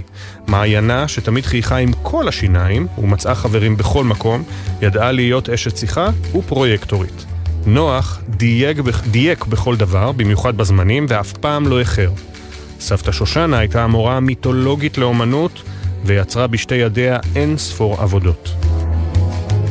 סמל ראשון ים גלס, בת 20 ממודיעין מכבים רעות, הייתה תצפיתנית בגדוד 414 שבחיל הגנת הגבולות. ים הייתה קרובה לשחרור, היא אהבה את השירים של אלון עדר, ופרחים מיובשים, כי הסבירה כך הם חיים לנצח. בני הזוג גבי אזולאי וקרלה סטלזר מקריית מלאכי נרצחו במסיבה ברעים. גבי היה הספר השכונתי האהוב על כולם, עם הקוקו, ידי הזהב והווספה הירוקה. קרלה, בת 42, עלתה ארצה מברזיל, ובנה התגייס לצה"ל, היא אהבה לרקוד והתאמנה בקפוארה. סמל ראשון איתי שוהם, בן 21 מראש העין, היה לוחם ביחידת אגוז ונפל בקרבות ברצועת עזה. איתי אהב את המוזיקה של להקת מוניקה סקס, ויותר מהכל, אהב חלבה. הוא נהג לומר, יום ללא חלבה הוא יום מבוזבז. השכול דפק בפעם הרביעית על דלתה של משפחת מרק מעתניאל. סגן פדיה מנחם מרק, בן 22, היה מפקד מחלקה בגדוד צבר בחטיבת גבעתי ונפל בקרב בצפון הרצועה. הוא גדל בצל האובדן של אביו ואחיו ונלחם להתגייס לשירות קרבי. הוא היה מפקד נערץ, כזה שלא צריך לצעוק כדי שיקשיבו לו. הבדיחה על פדיה הייתה שאפילו שעון לחיילים היה פותח בלחישות. בתחילת המלחמה, כשהתבשר על נפילת בן דודו, סרן במילואים, אלחנן מאיר קלמנזון, לא הסכים לחזור הביתה, כי רצה להישאר עם חייליו. אלחנן, בן 41 בנופלו, היה קצין במפקדת אוגדת שומרון, וכבר בשבת השחורה נסע ביוזמתו לעזור לתושבי העוטף, ונהרג מאוחר יותר בקרבות. אלחנן היה מיוחד בנוף, עם חיוך מתוחכם על הפנים, ושילוב בין ביטחוניסט קשוח לבין נפש רגישה, וגם עם מנה גדושה של הומור בריא. דוד קארול, בן 72, נרצח בקיבוץ בארי. חבריו לטיול הקבוצתי בדרום איטליה נזכרים איך קארול נעלם אה, בפרדס לימונים לאחר ארוחה, ואותר שר ביוונית מול ביתה של קשישה איטלקייה צוהלת. כשחזר ארצה, דאג לפצות את מדריך הטיולים בעציץ, והוסיף ציור של לב להתנצלות. קארול נהג לומר, אני ממלא כל שבוע לוטו, אבל ההימור הכי טוב שעשיתי בחיים זה להישאר בקיבוץ בארי. הפנים השמות. הסיפורים המלאים יעלו בהמשך לעמוד האינסטגרם והפייסבוק של גלי צה"ל, ואנחנו מזמינים אה, בני משפחה וחברים לשלוח לנו סיפורים ותמונות, לכתוב את המייל זיכרון שטרודל glz.co.il, זיכרון עם K. תודה רבה לאנה פינס, תמר שונמי ושירה שפי שהביאו את הסיפורים לשידור.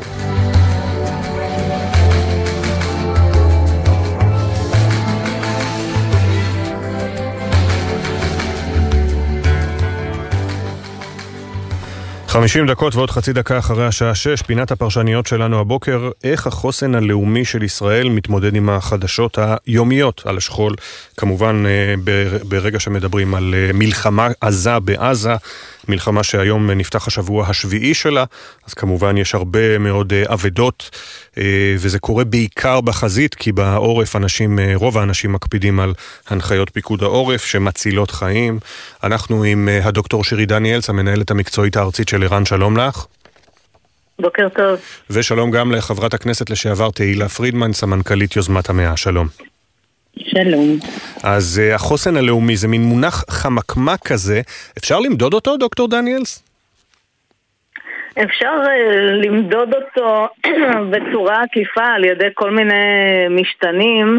Uh, חוסר הבהירות לגבי המושג אה, חוסן הוא, הוא מאוד גדול, כלומר חוסן מתייחס ליכולת שבו, שבה אנחנו מתמודדים ומסתגלים אה, ומתפתחים ואפילו צומחים למרות הקשיים ולפחות מנקודת המבט שלנו בער"ן, הרבה אנשים לפעמים חושבים שהעובדה שהם אה, בוכים או נשברים או עצובים אומרת שהם חסרי אונים או לא מתמודדים ובעצם ההפך הוא הנכון.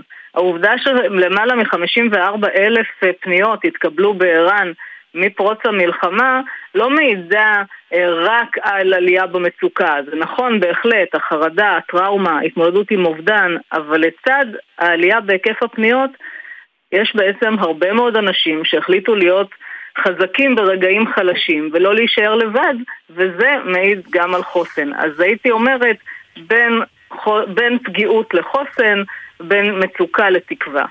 אלה שני הצירים. וחברת הכנסת לשעבר תהילה פרידמן, יש גם את אה, סוגיית האחדות העם שכולם מדברים עליה מאז אה, שבת. אה, יש משרד פרסום אפילו שמפציץ את הארץ, מפציץ מטאפורית, את הארץ בשלטים אין יותר ימין ושמאל. יש לי בעיה עם הסיסמה הזאת, כי ימין ושמאל זה לא רק mm. ויכוחים בין אנשים, אלא זה גם עמדות כלכליות ואחרות, אבל לא משנה, האחדות היא גדולה, והאחדות הזו חשובה בימים של כאב ושכול, נכון?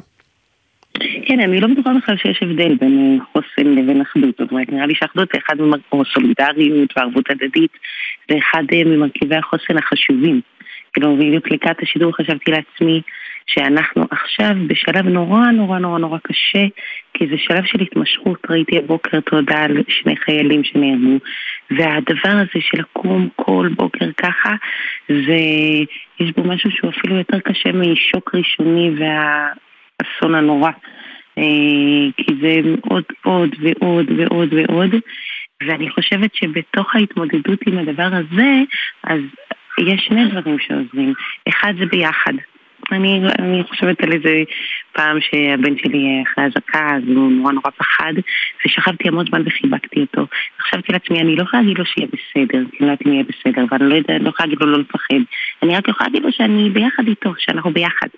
וזה נכון גם ברמה לאומית. זאת אומרת, יש משהו בביחד שנותן המון המון כוח.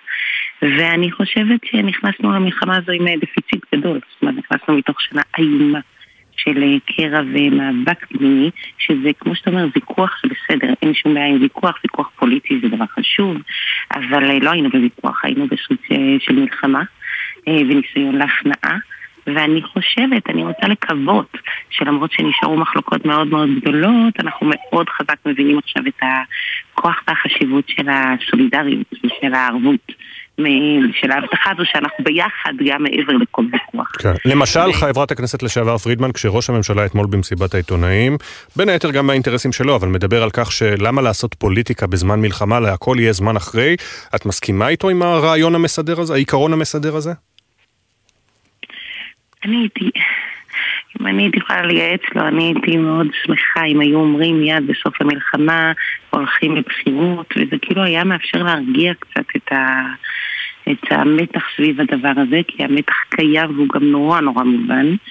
אה, מצד שני, יש משהו בזה שכרגע, אה, נניח אה, לשנות הנהגה כרגע בתוך מלחמה, זה דבר שדורש הרבה מאוד אנרגיה שאני חושבת שבאמת אנחנו לא יכולים להשקיע אותה שם. כרגע. אבל צריך להחליט שזה מה שעושים במועד, 90 אה, יום אחרי הבחירות, אחרי המלחמה, גם צריך להחליט איך מחליטים מתי זה סוף מלחמה. אבל כן, זו סוגיה מאוד מאוד רגישה. כי אל מול ההכרח, באמת, ההכרח הקיומי בביחד, אני גם אה, שומעת חיילים אה, שאומרים, אנחנו צריכים המריבות ביניכם מחלישות אותנו, הביחד נותן כוח.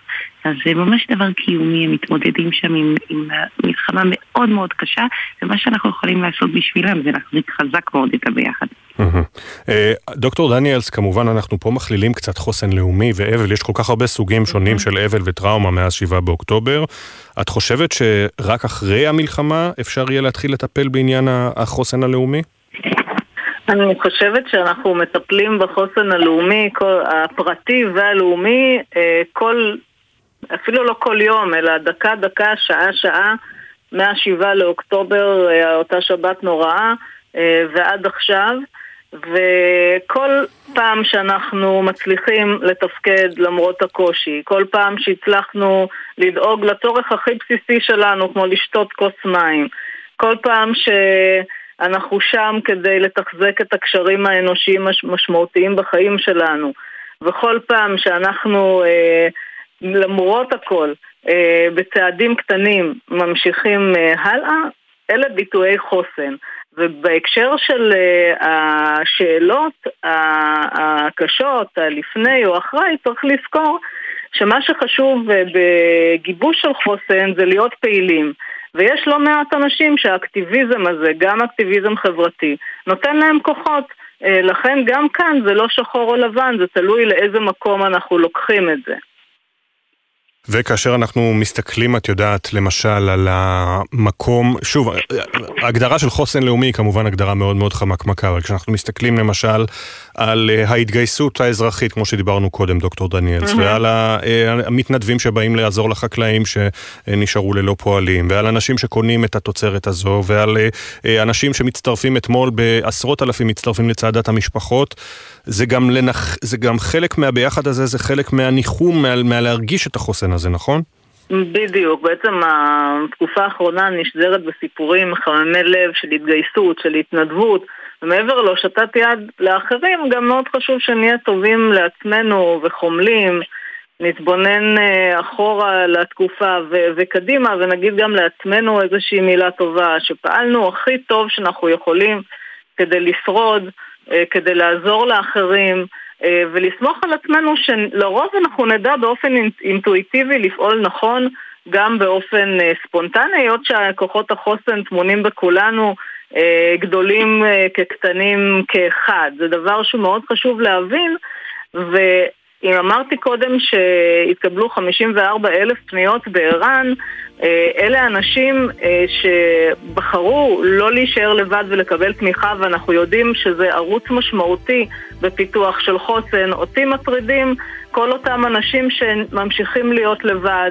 אני שומעת מהרבה אנשים, כן, אבל, אבל מי אני שיפנה לעזרה? אנשים איבדו הכל, אנשים שממעיטים בחוויה שלהם. וחשוב מאוד להבין שהחוויה של כולנו תקפה, ולכולנו מגיעה תמיכה. תודה רבה. אנחנו, חייבים, אנחנו פשוט חייבים לסיים, אתם שומעות את האות ככה אה, מזנב בנו, אני חייב לסיים. הדוקטור שירי דניאלס וחברת הכנסת לשעבר תהילה פרידמן על שאלת החוסן הלאומי. אה, ואנחנו אה, יוצאים להפסקה קצרצרה של פחות מחצי דקה, ואחריה השעה השנייה של בוקר טוב ישראל. בעקבות הדיווחים בוושינגטון פוסט על עסקה, החשם מהבית הלבן יהיה איתנו רובי חן, אביו של החטוף איתי, וגם נדבר עם השייח' מואפק טריף על שני בני העדה שנפלו בקרבות בסוף השבוע. מיד חוזרים.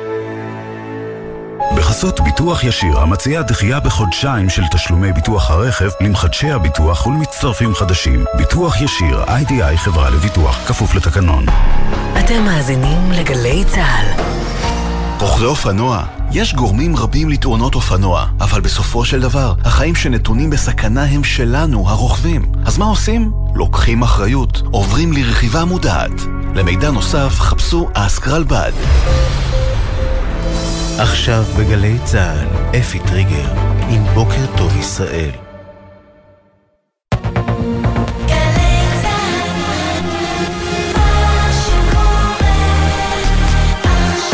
שבע בגלי צה"ל.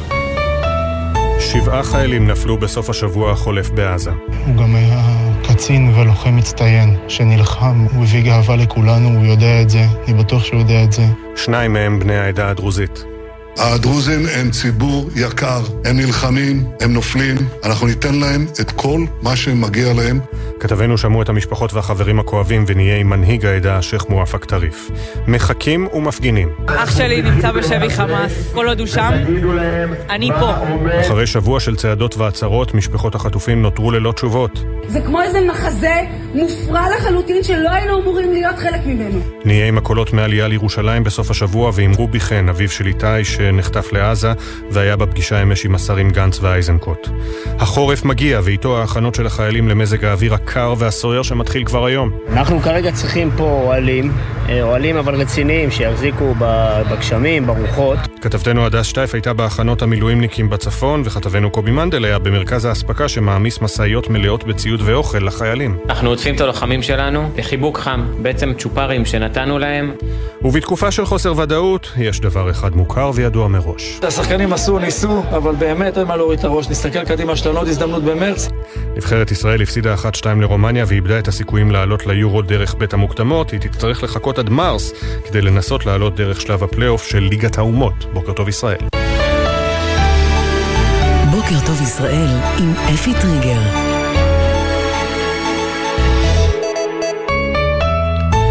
שלום לכם. הותרו לפרסום שמותיהם של שני חללי צה"ל שנפלו בקרבות בצפון הרצועה, הודעה נמסרה למשפחותיהם.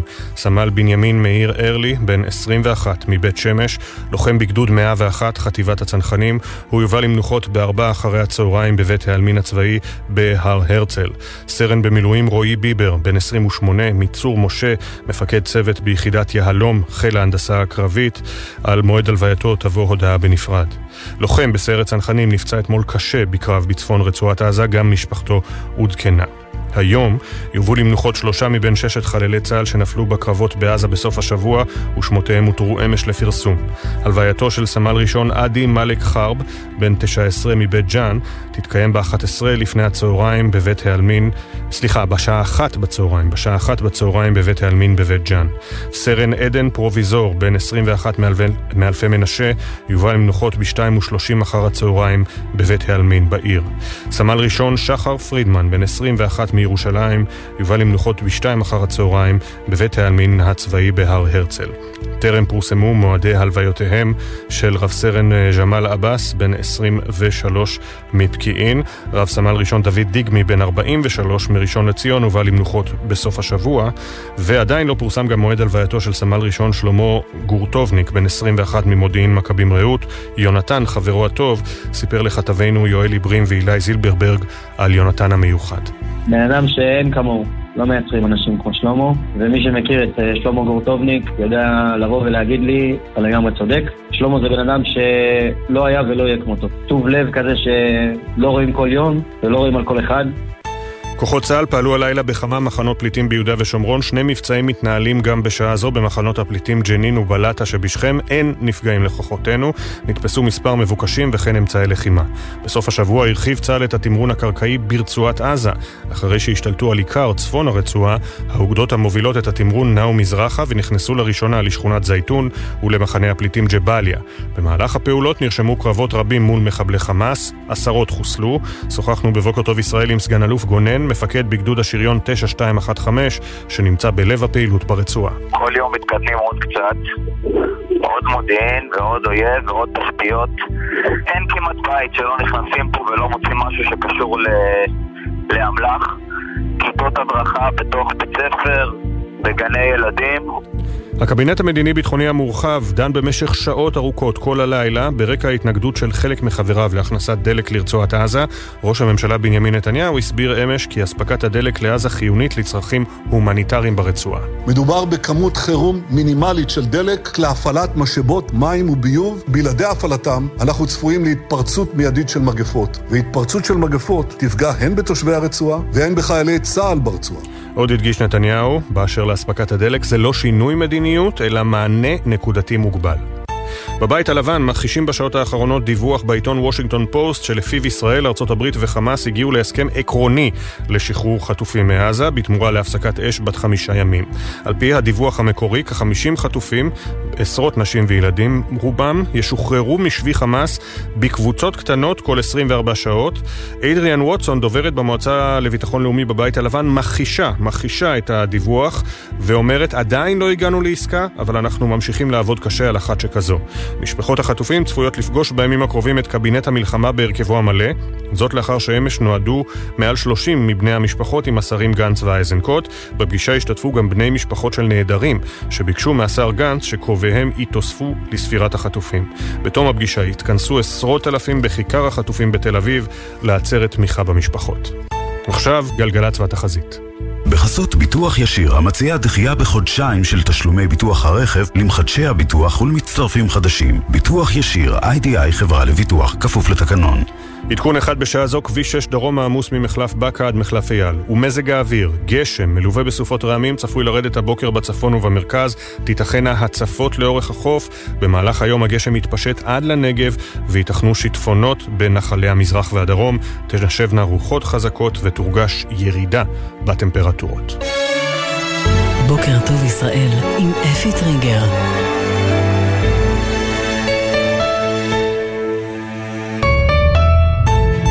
שש דקות וחצי אחרי השעה שבע אנחנו נכנסים ליום ה-44 במלחמה תחת עננה כבדה של חוסר ודאות. צעדת משפחות החטופים והנעדרים הסתיימה אמש כמתוכנן מול משרדי הממשלה בירושלים, אלא שחלום הבלהות של בני המשפחות לא מסתיים. אה, עדיין לא הגיעה ההודעה המיוחלת על הסדר לשחרור החטופים, עדיין צריך למחות ולדרוש תשובות. מול המצלמות המנהיגים ממשיכים להכריז שוב ושוב שהשבת החטופים בראש מעייניהם, אבל כשהם עומדים פנים מול פנים עם בני המשפחות השבורים, אז הם מתקשים מתקשים למצוא את המילים ולענות לשאלות הקשות והכואבות. בהמשך המשדר נביא את הקולות שלהם וגם נעדכן על ההתפתחויות האחרונות בלחימה המתרחבת ברצועת עזה. לפני כן, סיכום היממה החולפת בקולות.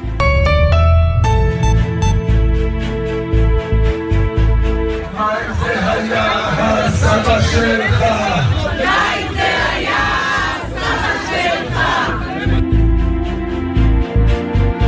עד לרגע זה לא הייתה עסקה.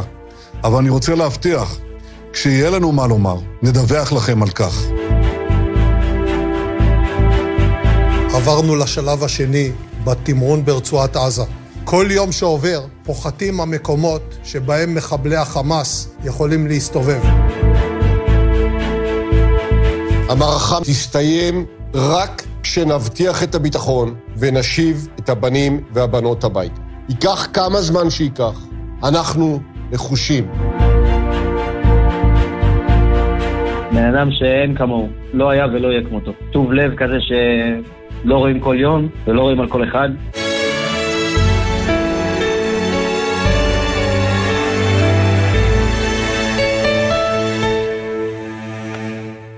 צה"ל ממשיך להתקדם ולפעול בעומק הרצועה, דיווחים על קרבות עזים בסוף השבוע במהלך כניסה של כוחות צה"ל ללב מחנה הפליטים ג'באליה ולשכונת זייתון, שניהם במזרח הרצועה, ובעוד הדיווחים הללו נמשכים, מגיעות הבשורות הקשות על עוד לוחמים שנפלו בקרבות בצפון הרצועה.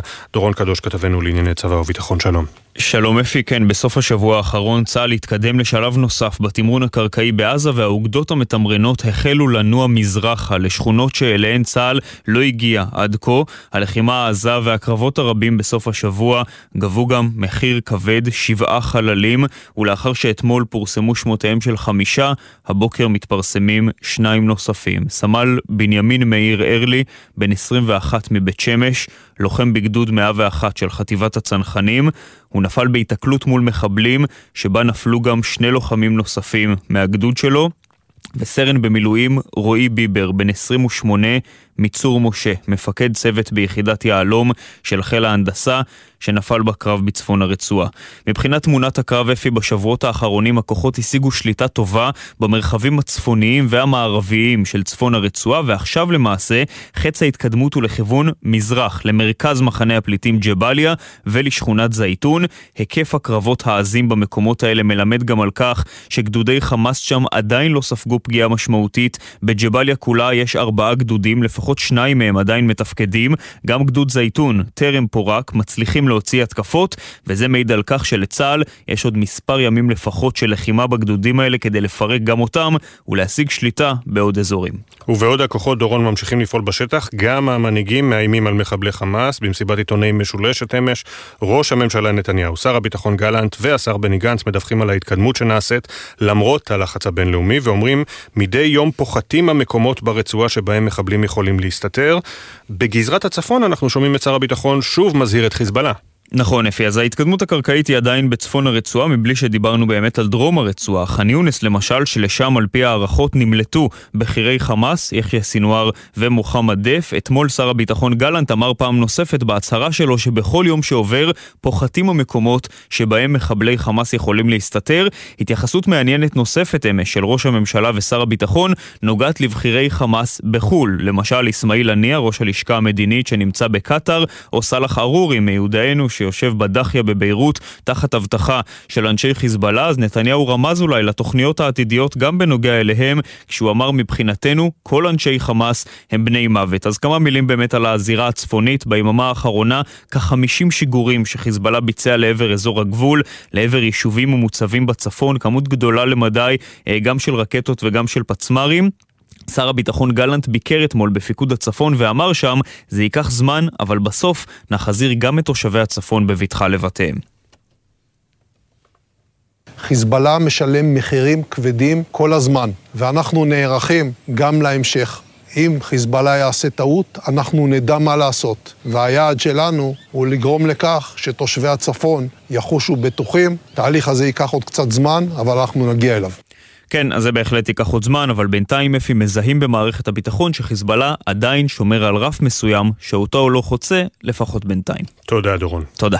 שבע ושתים עשרה דקות בדיוק, רק לפני ימים ספורים התחייב ראש הממשלה שישראל לא תסכים להעביר דלק לרצועה עד לשחרור הישראלים המוחזקים בעזה. הצהרות לחוד ומציאות לחוד, לא אם שואלים את ראש הממשלה, הוא עצמו טוען שאין פה מדובר, שלא מדובר פה בשינוי מדיניות, וגם אומר אמש שעדיין לא חלה התקדמות משמעותית במשא ומתן על החטופים. יניר קוזין, כתבנו המדיני, אנחנו אחרי אה, לילה לבן לחברי הקבינט ודיון סוער, שלום יניר. כן, שלום אפי, בוקר טוב. אז קודם כל רק אה, נתייחס באמת הדיווחים בוושינגטון פוסט הלילה על כך שארצות הברית אה, וחמאס קרובים להסכם לפיו ישוחררו עשרות ילדים וחטופים בעזה. אז תראה, צריך לומר, בתוך הידיעה כבר אומרים שיש אה, הסדר כזה.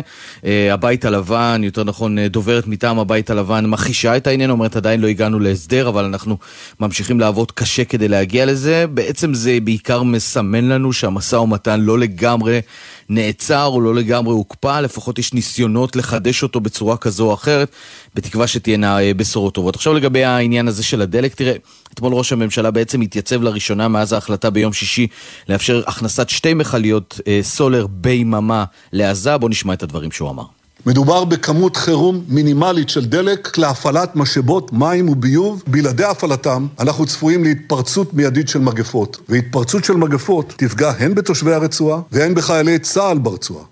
כן, אז זו השורה התחתונה של אה, נתניהו, זאת הסיבה מדוע אה, אחרי שאמר שלא תיכנס טיפת דלק אחת לרצועת עזה, הוא כן מאפשר הכנסת שתי מיכליות. זה הגיע מלחץ אמריקני, צריך לומר, בראש ובראשונה. הוא מזכיר כאן את השליח רמספלד, שבעצם אמר שתתפרץ אה, מגפה אם ישראל לא תעביר את הסולר שאמור לעבוד עבור המשאבות של הביוב בעזה. הדברים הללו נאמרים, ואתמול בלילה מתכנס הקבינט עד ארבע לפנות בוקר, אפי, כדי לדון בנושא הזה, ונתניהו שומע דברים קשים. חדשים מחברי הקבינט שלו, בין היתר מבן גביר ומסמוטריץ', על כך שבעצם ההחלטה או הדיון שקרה לפני שבועיים סיכם באופן לא חד משמעי, אבל לא הייתה הצבעה, אבל כן סיכם שלא ייכנס דלק. בן גביר מעביר אה, לאנשי נתניהו עוד לפני תחילת הדיון הזה, אחרי שנתניהו מדבר, את הציטוט הבא, הוא אומר להם, אם התינוקות שלנו לא רואים את הצלב האדום, השפכים של העזתים מעניינים לי את הסבתא, כך השר איתמר בן גביר. הדברים נאמרו בצורה כזו או אחרת, אני מבין, גם בתוך דיוני הקבינט. בינתיים ישראל מחויבת לעניין הזה, ההחלטה של קבינט המלחמה בראשות נתניהו, גלנט וגנץ אישר את העניין הזה, וכרגע אין שינוי. ויניר, אנחנו נשארים איתך גם בעניין נוסף שעולה שוב ושוב לדיון בימים האחרונים. היום שאחרי אה, נשיא ארה"ב ביידן, שחוזר תמיד על תמיכתו בשתי מדינות כפתרון למלחמה, מדבר על שלטון פלסטיני אחיד לרצועת עזה ולגדה המערבית אתמול, וגם מדבר על רשות פלסטינית קצת אחרת. נתניהו אומר, הרשות הפלסטינית עוד לא מוכנה בכלל לקבל את עזה. כן, אפי, פה דווקא אתה רואה איזשהו חיבור בין העמדות, לא באופן מלא כמובן, אבל אתמול, כמו שציינת, ביידן כותב למעשה שתהיה רשות פלסטינית מחודשת. אלה מילים שאנחנו לא שמענו, לפחות מילה שלא שמענו. כלומר, מבחינתנו הבנו שהרשות הפלסטינית היא המקובלת לארצות הברית, על הממשל האמריקני. כאן ביידן מרמז שההתנהלות של הרשות הפלסטינית אינה מקובלת על האמריקנים, ובעזה צריכה לשלוט רשות פלסטינית מחודשת. האם הוא מתכוון לכך שהיא מחודשת בעובדה שיהיה גם בעזה וגם ביהודה ושומרון, או מחודשת מבחינת ההנהגה? את זה אנחנו לא יודעים, ולמה אנחנו אומרים שזה מתחבר? מכיוון שגם נתניהו אומר שלהעביר את השליטה האזרחית לרשות הפלסטינית אחרי המלחמה כמו שהיא נראית עכשיו, זה לא מתקבל על הדעת, רשות פלסטינית שמשלמת אה, כספים למשפחות מחבלים, מעודדת להסתה, יושב ראש הרשות שעדיין לא גינה אומר זה לא יכול להיות, לא בשביל זה לחמנו, אז אם תרצה פה החיבור, גם נתניהו אולי מדבר על רשות פלסטינית שמתנהגת אחרת, גם ביידן, עכשיו נראה איך הדברים האלה מתקדמים בתוך המלחמה, ומה האמריקנים יבהירו אחרי הדברים האלה של ביידן. וזה בכל מקרה היום שאחרי, תודה יניר. תודה רבה. גורם בכיר באיחוד האמירויות הביע דאגה מההצהרות שיצאו מישראל ולפיהן צה"ל יצטרך להישאר תקופה ארוכה ברצועת עזה. גם בחריין הביע בסוף השבוע אי נחת. שתי אלה מצטרפות לירדן ומצרים שאומרות את הדברים כמעט מהרגע הראשון. מדינות ערב רוצות בחיסול חמאס אבל לא נותנות לצה"ל אפילו לא מאה ימי חסד. על הלחצים של ידידותינו נשמע עכשיו מפרשננו לעניינים ערביים ג'קי חוגי. שלום ג'קי. שלום כן נכון, אה, מירדן ומצרים שמענו לאורך כל המלחמה כמעט מהרגע הראשון והנה בסוף השבוע אנחנו מקבלים מקבלים מנה גם מאיחוד האמירויות. אנואר גרגש, יועץ אה, בכיר לנשיא מוחמד בן זייד, מופיע באירוע כלכלי בינלאומי שמתקיים בבחריין השכנה, דיאלוג מנאמה קוראים לו, ואומר את הדברים האלה. I think some of the statements also that we hear now from uh, the Israeli Prime Minister and indeed the Israeli President about the sort of longer term Israeli connection to Gaza, they are very worrying to be honest. כמה הצהרות ששמענו מראש ממשלת ישראל וגם מנשיא מדינת ישראל לגבי הישארות ארוכה ברצועת עזה, אם להיות כנים, הוא אומר, הן מאוד מדאיגות. המילים שלו מנומסות, אבל uh, בעולם הערבי כבר אומרים שישראל הולכת להחזיר את הכיבוש לרצועה, מודאגים שמא צה"ל לא יצא כל כך מהר או לא יצא בכלל. גרגש גם uh, מסביר אחר כך, ככל שהמצב יימשך, כך גדלה הסכנה שיצמחו ממנו בעיות שיצאו משליטה, ושים לב עוד מה הוא אומר. After Hamas's, you know, horrible attack really on civilians, 5,000 women and 3,000 plus Palestinian kids were killed. I mean, I don't understand the rationale here between these, uh, these events. אחרי ההתקפה הנוראית של חמאס על אזרחים, הוא אומר, חמשת אלפים נשים ועוד שלושת אלפים ילדים פלסטינים נהרגו. אני לא מבין את ההיגיון. זה הטון במדינות האזור. תכיר אפי, הטבח שנעשה ביישובי הנגב איננו מצדיק את המבצע הצבאי של צה"ל ברצועה. בעקבות זאת, כולם מתחילים לשאול שאלות. האם לא היה צריך מזמן לפתור את הסוגיה הפלסטינית? אצלנו זה רחוק, אבל שכנינו כבר מדברים חזק מאוד היום על פתרון שתי המדינות. שמעת את יניר אה, מביא מדברי mm-hmm. ביידן על זה שהמשבר בעזה הוא הזדמנות לפתרון מערכתי. אתמול גם טורקיה מעלה את הטון. שר החוץ שלה, האקן פיידן, אמר שהם שקלו ניתוק יחסים עם ישראל, אבל החליטו קודם למצות את הערוץ הדיפלומטי. בשורה התחתונה, הבעיה הפלסטינית שוב על הפרק, אתגר מדיני, וזו רק ההתחלה. תודה, ג'קי. תודה לך. גם חמישה ימים של uh, צעדה לאורך 63 קילומטרים מתל אביב עד לבירה לא הצליחו להתיש את בני משפחות החטופים. הם נועדו אמש עם השרים גנץ ואייזנקוט ושאלו את אין ספור השאלות שצברו אצלם בבטן על מצב יקיריהם, על התקוות לשחרורם. הרבה תשובות המשפחות לא זכו לקבל, אבל כן קיבלו הבטחה לפגישה נרחבת יותר עם הקבינט, קבינט המלחמה כולו. בתום הפגישה יצאו בני המשפחות לכיכר החטופים והשתתפו בעצרת שאליה הגיעו עשרות אלפים. כתבנו גל ג'רסי מלווה אותם בימים האחרונים. שלום גל. שלום אפי. לצעדה בת חמשת הימים של משפחות החטופים מתל אביב לירושלים הייתה מטרה ברורה, להפעיל לחץ על חברי קבינט המלחמה להיפגש עם המשפחות. אמש, בתום הצעדה, רק שניים מתוך חמישה חברים בקבינט נעתרו לדרישת המשפחות ונפגשו איתם, השרים גנץ, ואייזנקוט. הפגישה ארכה כשעה וחצי והשתתפו בה יותר מ-30 בני משפחות החטופים. האווירה הייתה מתוחה מאוד וגם בין המשפחות עצמן התעוררו חילוקי דעות.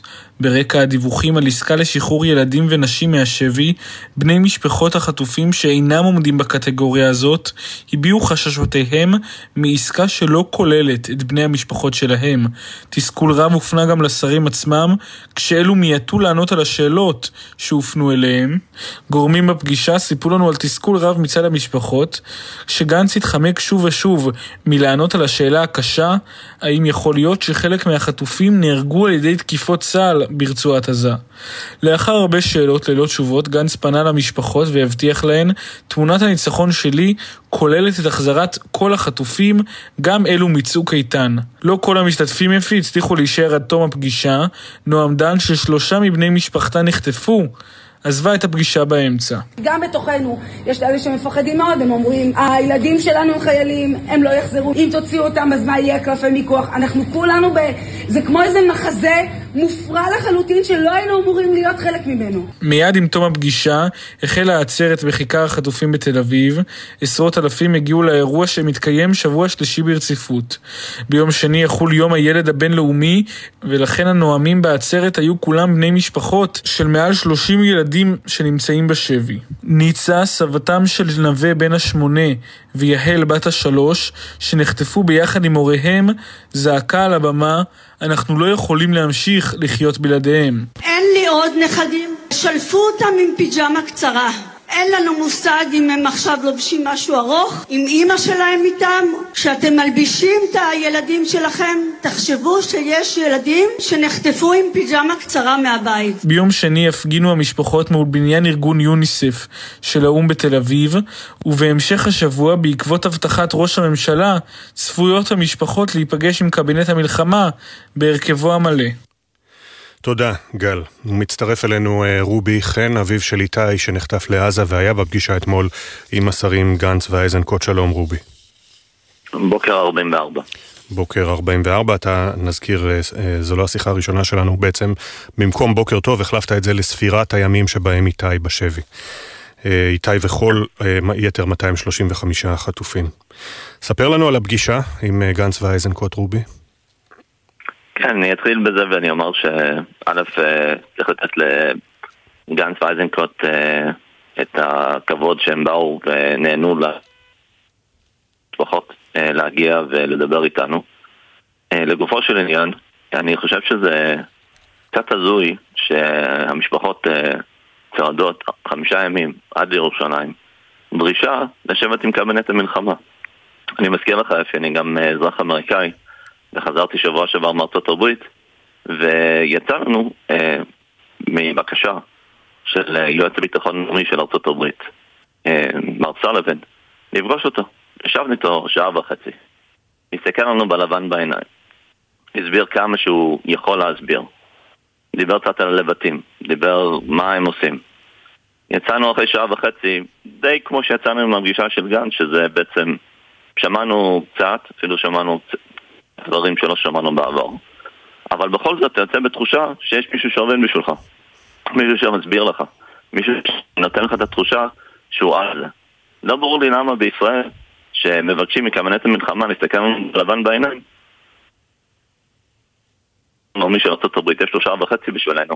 למה אה, קבינט המלחמה בישראל אין לו את הזמן הזה לשבת איתנו שעה וחצי ולהסביר לנו מה קורה? אני חושב שבהיבט הזה זה בעצם כישלון כפול של מדינת ישראל. אחד, בזה שהעטיפה שאנחנו בעצם מקבלים, משפחות החטופים והנעדרים,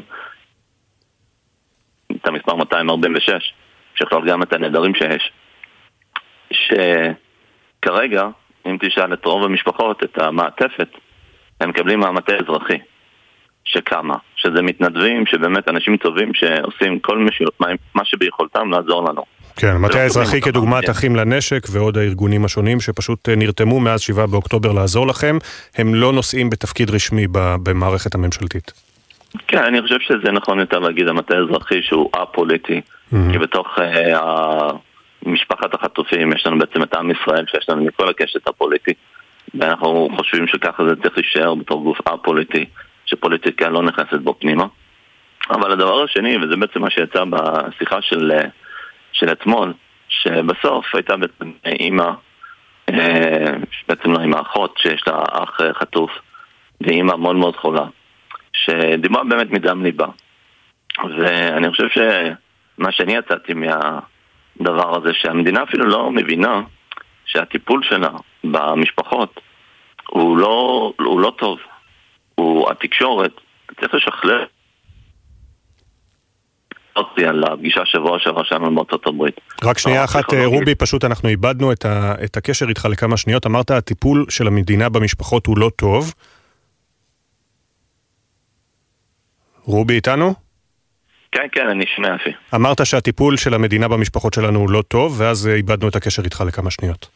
כן, מה שרציתי להגיד ברמה הפסיכולוגית, עצם זה שאתה יכול לשבת עם אנשים שעושים את המשא ומתן, ובעצם מדברים איתך בלבן בעיניים ומסבירים לך מה קורה, יש איזה אה, סוג של נחמה, סוג של אה, יכולת אה, לקבל את המידע ממקבלי ההחלטות, שאתה לפחות יוצא מפגישה כזאת עם תחושה, טוב, אני מבין שדברים קורים, אבל עצם זה שלא מדברים ולא מתייחסים אליך, אני חושב שזה הדבר הכי הזוי שיכול לקרות. אני חושב שהמדינה אפילו לא מבינה שהטיפול שלה במשפחות הוא טיפול לא טוב. ובכל זאת נפגשתם אתמול כאמור עם השרים גנץ ואייזנקוט, אה, והם הביטו לכם, לנציגי המשפחות שהיו בפגישה, בלבן של העיניים, אבל יכול להיות גם שהם לא יכולים להגיד לכם הכל, אתה מבין את זה?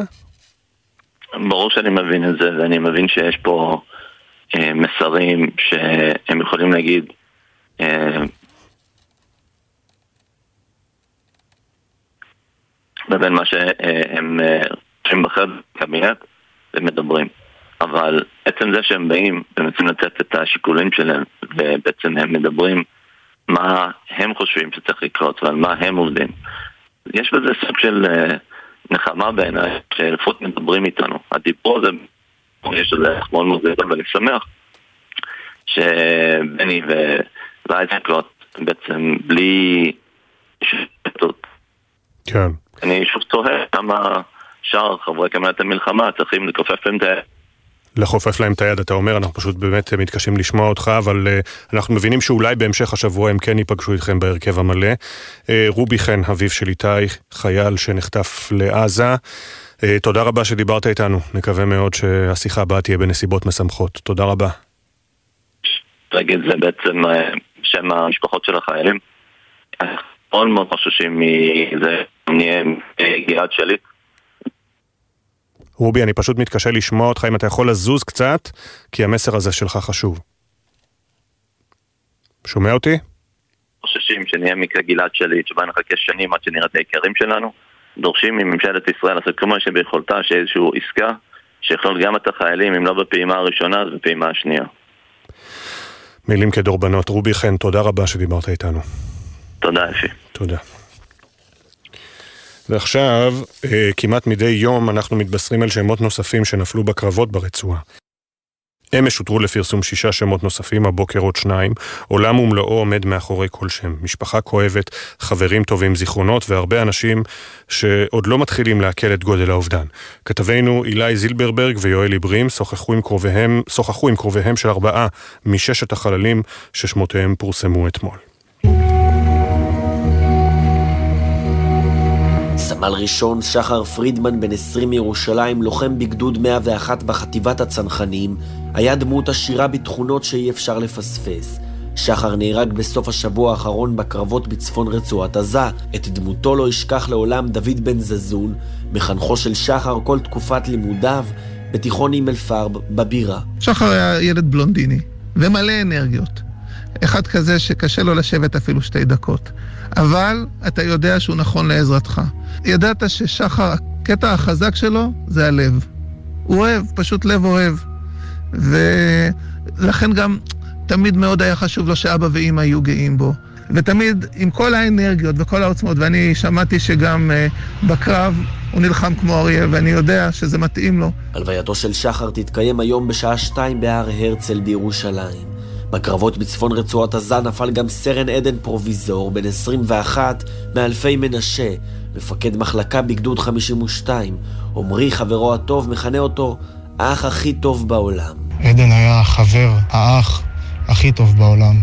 הוא גם היה קצין ולוחם מצטיין שנלחם. הוא הביא גאווה לכולנו, הוא יודע את זה, אני בטוח שהוא יודע את זה. הוא היה, אם הוא היה פה, הוא היה אומר לנו, מה יש לכם? ת, תתרוממו, לכו בראש מורם. הלווייתו של עדן תתקיים היום בשעה שתיים בבית העלמין אלפי מנשה. רשימת הנופלים מתארכת ואיתה גם הסיפורים על חלומותיהם של הצעירים שרק החלו את דרכם. סמל ראשון שלמה גורטובניק, בן 21 ממודיעין, היה חובש קרבי בגדוד 46 שרצה להיות תסריטאי. חברו הטוב יונתן מספר על אישיות מופנמת ומאוד כישרונית. שלמה היה החבר הכי טוב שלי משהו כמו עשר שנים, הכרנו בכיתה ז'. בכללי אני חושב שהיופי הכי גדול אצלו, לא משנה מי היית, תמיד יכולת להתחבר אליו. הוא יכל להתחבר אליך, הוא יודע איך לדבר אליך, הוא מאוד אהב שירים, סרטים, הוא מאוד רצה להיות תסריטאי, ובכללי כל העולם הזה של ספרות, הוא מאוד אהב את זה. דובר צה"ל התיר לפרסם גם את שמו של רס"ר דודי דיגמי, בן 43, פרמדיק באוגדת עזה. דיגמי היה רופא במקצועו ואב לשני ילדים. בן דודו, הנושא את אותו השם במשפחה של דודי, סופד לו בכאב. לדודי היה שני ילדים, שאוהב אותם מאוד. אה, הוא אוהב ללכת לטייל איתם ולצבור חוויות איתם.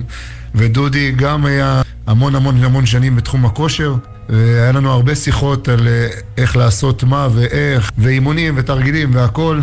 אי אפשר להכין אותך לטרגדיה כזאת. באמת עצוב.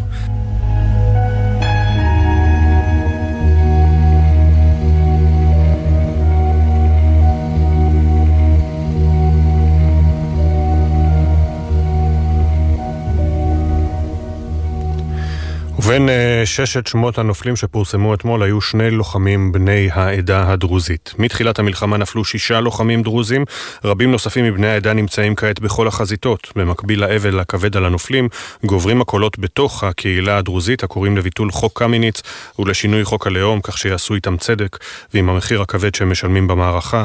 אדם פראג' כתבנו היה אתמול אצל משפחות הנופלים בני העדה הדרוזית. העדה הדרוזית בארץ ממשיכה לאבד עוד חיילים מטובי בניה. אתמול נפלו שני חיילים דרוזים בקרב ברצועת עזה. רב סרן ג'מאל עבאס, בן 23, מבקיעה, פקיעין, מפקד פלוגה בגדוד 101, חטיבת הצנחנים. ג'מאל הוא דור שלישי לקצינים במשפחתו. אייד, דודו, ספד לו בשיחה עם גלי צה"ל. ג'מאל אחד הילדים והנערים הכי יפים והכי אהובים שיש כאן בפקיעין. הפתעה לכולנו, אבל אה, אנחנו מאמינים שזה הגורל. ג'מאל רצה להתקדם, אהב את הצבא, רצה להיות בצבא, רצה את הצנחנים מלכתחילה, ורצה לעקוף את סבא שלו בדרגות ולהיות אה, תת-אלוף בצבא. גם סמל ראשון עדי חרב, בן 19 מבית ג'אן, לוחם בסיירת הנחל, נפל בקרב בצפון הרצועה. חבריו של עדי סיפרו לנו עליו שהוא היה אמיץ, אדיב וחייכן. מתחילת המלחמה נפלו שישה חיילים דרוזים, בהם שניים בדרגת סגן אלוף. רוב בני העדה מגויסים בשדה הקרב ושאר העדה מגויסת בעורף, אך עדיין בחברה הדרוזית פועלים מאז תחילת המלחמה לביטול חוק קמיניץ ולשינוי חוק הלאום, שלטענתם מפקיר את דמם של הנופלים הדרוזים. ראאד שנאן, מנכ"ל המועצה הדתית הדרוזית, קורא לממשלה בשיחה איתנו, צריכים להתעשת. אם השותפות הזו בין מדינת ישראל לבין העדה הדרוזית כל כך טובה בשדה הקרב, מדוע שהמדינה לא תתעשת כבר היום לבוא ולפתור ולהודיע לטפל בכל הבעיות של העדה הדרוזית. חוק הלאום היה עדיף להיות מתוקן כבר לפני כמה, כמה שנים, יתר הזכויות האזרחיות, חוק קמיניץ, קנסות, תכנון ובנייה, אפשר להודיע תוך יום-יומיים על ביטול כל הקנסות והסדרת כל הבתים. זו השעה. ראש הממשלה בנימין נתניהו התייחס אתמול לבקשת העדה הדרוזית, ובמענה לשאלת כתבנו דורון קדוש במסיבת העיתונאים אתמול, אמר נתניהו, נמצא את הדרך לעגן את מעמדה של העדה הדרוזית. הדרוזים הם ציבור יקר, הם נלחמים, הם נופלים, אנחנו ניתן להם את כל מה שמגיע להם, אנחנו נמצא את הדרכים לעשות את זה, זה חיוני. הלווייתו של סמל ראשון עדי חרב תתקיים היום בשעה אחת בצהריים בבית העלמין בבית ג'אן, ומועד הלווייתו של רב סרן ג'מאל עבאס טרם נקבע. מצטרף אלינו השייח' מואפק טריף, המנהיג הרוחני של העדה הדרוזית בישראל. שלום לך, אדוני. שלום, שלום ברכה, יום קשה. יום קשה, אנחנו כמובן משתתפים בצערכם, בצער המשפחות על הנפילה של אה, סמל ראשון עדי ורב סרן ג'מאל. אה, ספר לנו על התחושה בקרב אה, העדה הדרוזית בימים אלה של מלחמה. כמובן אנחנו משתתפים בצער כל המשפחות השכולות, התפסמנו היום על, על עוד, על נפילה של עוד שניים בצבא בעזה. אה, התחושה מאוד קשה, אתה יודע, אה, החללים אה, שנפלו אתמול הצטרפו לעוד ארבעה חללים לפניהם, לעלים וסלמן ודניאל ועדי משפרעם, ינוח, מחורפיש, בית ג'אן ובקיין. אז כל העדה באבל, כל העדה מתאבלת על אובדן טובי בנינו. ואנחנו כמובן מחזקים את ידי צה"ל וכוחות הביטחון, מאחלים להחזרת השבויים, משתתפים בצער כל המשפחות. מצד אחד אתם כמובן אה, לוחמים וחלק בלתי נפרד מהחברה הישראלית, מברית הדמים הזו, כפי שזה בא לידי ביטוי גם במלחמה הנוראה הזאת, אבל מצד שני אתם מרגישים, מה, אזרחים סוג ב'? תשמע, כל העדה, לא רק החיילים, לא רק הצעירים מגויסים, אם, אם זה בסדיר או אם זה בצו שמונה, גם העורף, העורף, אה, אני חושב, הכי חזק והכי מגויס במדינה, אלה הדרוזים, כולם. הנשים והגברים והזקנים והילדים, כולם נרתמים וכולם מסייעים וכולם עוזרים וכולם שולחים ומחבקים את כל חיילי צה"ל, אם זה בדרום או בצפון. אה, כמובן, אנחנו מרגישים שנבגדנו. אנחנו מרגישים, מרגישים כאילו הממשלות ישראל בגדו בעדה הדרוזית. אין לנו בעיה, שום בעיה עם העם היהודי, אנחנו מרגישים את החיבוק, אנחנו מרגישים את האהדה, האהבה ברחוב הישראלי. ממשלות ישראל לדורותיהן אה, לא היטיבו עם העדה הדרוזית ולא נתנו מה שמגיע לעדה. והגיעה העת אני חושב לתקן ולעשות ולתת מה שמגיע לעדה לתקן חוק הלאום ואתמול שמענו את ראש הממשלה מדבר ואני מקווה שבאמת יהיה חשבון נפש ולתקן uh, מה שצריך לתקן. ראש הממשלה ואנשיו לא מדברים אבל על תיקון חוק הלאום אלא על חוק חדש, חוק יסוד העדה הדרוזית שיעגן את זכויותיכם. אנחנו, יש לנו הצעה מוכנה מלפני ארבע שנים. הצעת חוק שתעגן את מעמד העדה הדרוזית, ראש הממשלה עבר על זה ואישר, בזמנו היועץ המשפטי אישר את ההצעה, אה, שר המשפטים היה אצלי בבית ואישר ומוכן, ומשום מה זה לא קורה. לפחות נטל ההוכחה עכשיו על הממשלה, שיעשו, שיעשו משהו לפחות. אם צריך לעגן את מעמד העדה בחוק יסוד, אז למה לא לעשות? למה לחכות? הגיע הזמן לעשות את זה. כן, נאמר שבאמת ההבטחה בפעם הראשונה של נתניהו ניתנה עוד ב-2018 או 2019 לחוק הזה שעכשיו סיפרת לנו שכבר ניסחתם אותו וקיבל את כל האישורים המשפטיים. הכל, הכל מוכן וכל האישורים המשפטיים מוכנים, עברו על זה בזמנו יועץ משפטי, שני סגני יועץ משפטי והכל מוכן, למה לא, לא להביא לאישור הכנסת ולחוקק? בינתיים דיברת גם על, ה, על כך שאתם, כל העדה הדרוזית היא חלק בלתי נפרד מהחברה הישראלית בימים האלה, גם בימי שגרה. אה, מה אתה שומע מה, מהצעירים שבעדה עכשיו כשגם משלמים את המחיר הכבד וגם אה, מסתכלים אה, מסביב על המקום שלכם כאן? כעס, כעס, אכזבה ותסכול. באמת, ככה מרגישים הצעירים, הרבה כעס. לא ייתכן שהבנים משרתים וכל אחד מקבל קנס של 300 אלף שקל שאחרי חודש זה הופך ל-450 ואחרי חודשיים 600 אלף שקל. אה, על מה, כל אשמתו שבנה על אדמתו הפרטית, אני מדגיש אדמה פרטית, לא בנה על אדמת מנהל, לא בנה על אדמת מדינה, בנה על אדמתו הפרטית כי אה, ועדות התכנון התרשלו ולא הרחיבו תכנויות המתאר יותר מ-40 שנה ואז נכנסים בקנסות מאוד כבדים וכתבי אישום, ומשל, כל, כל אחד משלם כל חודש בין 7,000 ל-10,000 שקל בכל חודש. האם אה, הקנס הזה הוא מה שייתן למדינה תקציב? לא, ריבונו של עולם. הגיע הזמן באמת לבטל ולהכשיר כל הבנייה שנבנתה בעדה הדרוזית, להכשיר אותה פעם אחת ולתמיד. וגם אנחנו מוכנים גם להתחייב, אם יבואו לקראת ונראה את האור בקצה המנהרה, כל בני העדה יתחייבו, יגידו לנו שישה חודשים, נחכה שישה חודשים, יגידו לנו כן. שנה, נחכה שנה, אבל צריך לעשות מעשה. שייח' מואפק אה, טריף, המנהיג הרוחני של העדה הדרוזית בישראל, תודה רבה שדיברת איתנו, נקווה שיבואו ימים טובים יותר. אינשאללה, ביחד ננצח, תודה. תודה. 7.39 עכשיו. הבוקר הותרו לפרסום שמותיהם של שני חללי צה"ל שנפלו בקרבות בצפון הרצועה. הודעות נמסרו למשפחותיהם. סמל בנימין מאיר ארלי, בן 21 מבית שמש, לוחם בגדוד 101, חטיבת הצנחנים. הוא הובא למנוחות בארבעה אחרי הצהריים בבית העלמין הצבאי בהר הרצל. סרן במילואים רועי ביבר, בן 28 מצור משה, מפקד צוות ביחידת יהלום חיל ההנדסה הקרבית. על מועד הלווייתו תבוא הודעה בנפרד. בנוסף, נפצע קשה לוחם בסיירת צנחנים בקרב בצפון הרצועה אתמול, משפחתו. כנה. היום יובאו למנוחות שלושה מבין ששת חללי צה"ל שנפלו בקרבות בעזה בסוף השבוע, ושמותיהם הותרו אמש לפרסום. הלווייתו של סמל ראשון עדי מלק חרב, בן 19 מבית ג'אן, תתקיים באחת בצהריים בבית העלמין בבית ג'אן. סרן עדן אה, פרוביזור, בן 21 מאלפי מנשה, יובא למנוחות ב-2.30 אחר הצהריים בבית העלמין באלפי מנשה. סמל ראשון שחר פרידמן, בן 21 מירושלים, יובא למנוחות אחר הצהריים בחלקה הצבאית בהר הרצל. עוד לא נמסרו מועדי הלוויותיהם של סמל ראשון שלמה גורטובניק, בן 21 ממודיעין מכבים רעות, ושל רב סרן ג'מאל עבאס, בן 23 שלוש מפקיעין. המנהיג הרוחני של העדה הדרוזית בישראל, שייח' מואפק טריף, אמר בבוקר טוב ישראל, אנחנו מרגישים נבגדים על ידי הממשלה, הצעירים מרגישים כעס. משפחות החטופים צפויות לפגוש בימים הקרובים את קבינט המלחמה בהרכבו המלא, זאת לאחר שאמש נועדו מעל 30 מבני המשפחות עם השרים גנץ ואייזנקוט. בפגישה השתתפו גם בני משפחות נעדרים שביקשו מהשר גנץ שקרוביהם יתוספו לספירת החטופים. בתום הפגישה התכנסו עשרות אלפים בכיכר החטופים בתל אביב לעצרת תמיכה במשפחות. רובי חן, אביו של החייל איתי שנחטף לעזה והשתתף בפגישה, קרא בבוקר טוב ישראל לדאוג גם לשחרור החיילים החטופים. חוששים שנהיה מקרה גלעד שליט, שבא נחכה שנים עד שנראה את היקרים שלנו.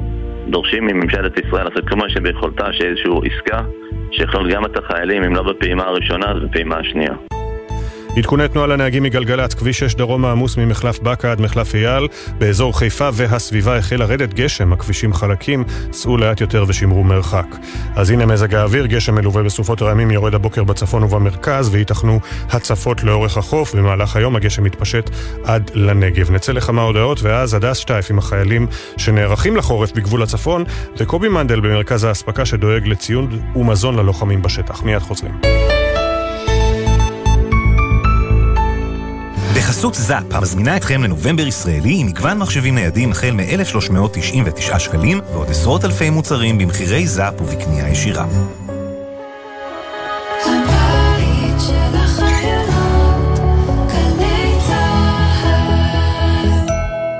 אוניברסיטת בר אילן הקימה למען הקהל הרחב קו חם לתמיכה רגשית. פסיכולוגים ועובדים סוציאליים כאן בשבילכם. חפשו בגוגל הקו החם בר אילן. תושבי גבול הצפון, אם פוניתם מבתיכם, שימו לב, כדי לסייע לכם להתמודד עם המצב, מוצעת גם לכם שורת הקלות, ובהן אפשרות לדחיית הלוואות ומשכנתאות, פטור מעמלות והקלה בריבית על משיכת יתר.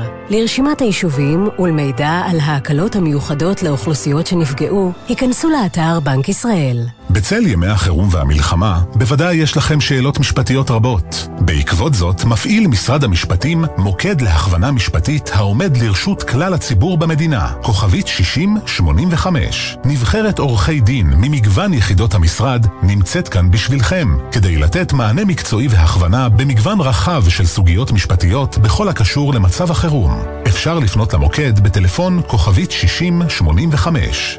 מידע נוסף זמין באתר משרד המשפטים. שלום, כאן יושבת ראש נעמת חגית פאר. גם בימים של מלחמה, האלימות במשפחה לא עוצרת. פני לקו הייעוץ של נעמת, כוכבית 9201. אנחנו איתך. יש רופא משפחה בסביבה? מה עושים כשצריך פסיכולוג לילדים שיעזור להסביר להם את המצב? בתקופה הזו יש הרבה שאלות בנושא הבריאות, לצד התגייסות כוללת של מערכת הבריאות בבתי החולים, המרפאות וקופות החולים. במוקד כל הבריאות, כוכבית 5400, תמצאו את כל התשובות לחירום ולשגרה. נוסף על כך, מוקד כל הבריאות נותן מענה למפונים על שירותים רפואיים במקום מגוריהם הזמני. מידע נוסף באתר משרד הבריאות. יחד ננצח. עם ישראל, הביטוח הלאומי הוא מגן הזכויות שלכם, ואנחנו כאן בשבילכם גם כדי להגן על הנפש. אם אתם חשים חרדה או מצוקה נפשית שמקשה עליכם בתפקוד היומיומי, הביטוח הלאומי מממן לכם טיפולים אישיים, זוגיים או משפחתיים, עם מטפלים מומחים ובלי בירוקרטיה. כל מה שצריך לעשות הוא לפנות אל מרכזי החוסן והמרפאות המטפלות ולקבל את הסיוע שאתם זקוקים לו. הביטוח הלאומי מחבק אתכם ועומד לצדכם גם ברגעים האלה. לפרטים נוספים ייכנסו לאתר הביטוח הלאומי. עכשיו בגלי צה"ל, אפי טריגר, עם בוקר טוב ישראל. כמעט רבע לשמונה. בשורה הראשונה משפחות החטופים והנעדרים מניפות תמונות ושלטים עם תמונת הילד, האחות, האב, הסבתא. מאחוריהם עשרות אלפי תומכים מרחבי הארץ שצעדו איתם במשך חמישה ימים, מכיכר החטופים בתל אביב למשרד ראש הממשלה בירושלים, בקריאה להשיב את כולם הביתה עכשיו. ליווינו את הצועדים במסעם בין ה-63 קילומטרים, סיכום היום האחרון והמרגש בכתבה של נועה ברנס.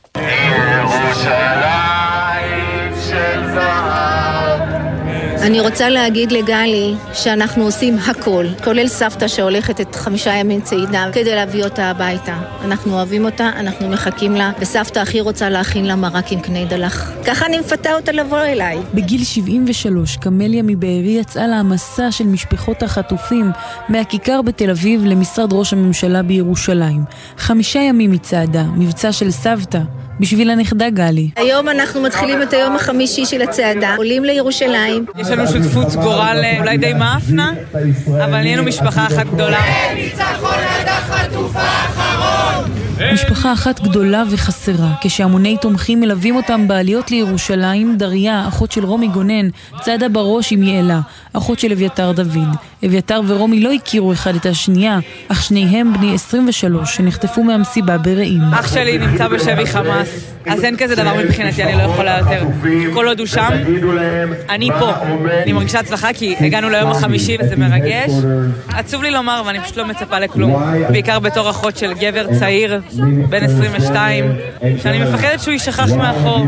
סרטון של אביתר שככל הנראה צולם בשבעה באוקטובר נותן למתן בן הדוד שלו קצת אוויר לנשימה. אני לא מאמין שאני אומר את זה, אבל הדבר שנותן לי תקווה זה סרטון של מחבל מוביל את בן דוד שלי. זה מה שמרגיע אותי בימים האלה. ואני מכיר פה כל כך הרבה אנשים שמקנאים בי, שיש לי רק בן אדם אחד, שיש לי סרטון, אנחנו אוהבים אותו.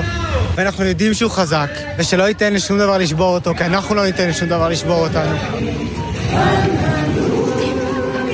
בימי הצעדה הגיעו בשורות קשות על חטופים שאינם עוד. כשהגיעה הבשורה על יהודית וייס, היה רגע מאוד קשה. השמועות שרצות בכל רחבי המדינה לא פוסחות עלינו, וזה מכאיב, זה מטלטל. כשמסביב המולה, המפכ"ל, חברי כנסת ושרים הגיעו לתמוך. המשפחות דרשו מכולם, לא חסכו בביקורת, אך הקפידו להודות לכל הבאים. חן אביגדורי דרש מהשר מיקי זוהר להחזיר את אשתו, בתו וכל החטופים. לי יש ילדה שם, יש אישה שם. אתה לא יכול לבוא לפה ולבקש מאיתנו סבלנות. מי שכשל זה כבודו, זה מי שהיה על הכיסאות שלכם. לקחתם את האחריות? אז האחריות עליכם להחזיר אותה עכשיו.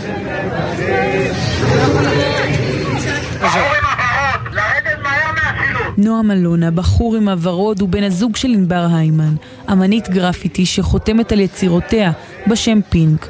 מאז שנחטפה, נועם נאבק. עד שהגיע לירושלים, השאיר את החותם שלו בדרכים. החיים הופסקו, עד להודעה חדשה אין שום דבר עד שהיא לא חוזרת, אז אני בכלל לא חושב על איך ממשיכים ואיך חוזרים לשגרה, כי אין שגרה. אין לי בית לחזור אליו עד שהיא חוזרת. יש לנו באמת, עדיין, אני מקווה, תוכניות גדולות לעתיד שלנו ביחד, לגור ביחד, להקים משפחה יחד.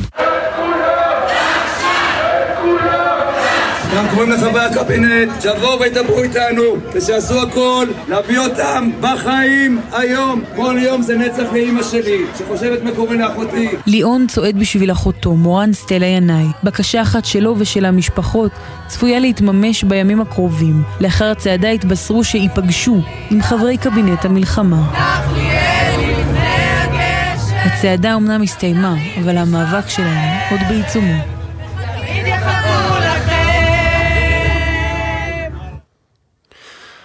לא צריך להאזין לתחזיות כדי לדעת שהחורף כאן, והבוקר כבר מספיק להוציא את הראש מהחלון. בצה"ל נערכים ללחימה בתנאי החורף, ובצפון, כוח מיוחד של הצבא עושה מאמצים להכין את השטח שבו נמצאים אלפי חיילים, כדי לעזור להם להתמודד עם הגשם והקור. הם מוצאים פתרונות מבעוד מועד לתנועת כלים כבדים באדמה הבוצית, ועושים הכל כדי שהלוחמים יישארו יבשים. כתבתנו הדס שטייף שמעה מהם על ההכנות. החורף בפתח, זמן מלחמה.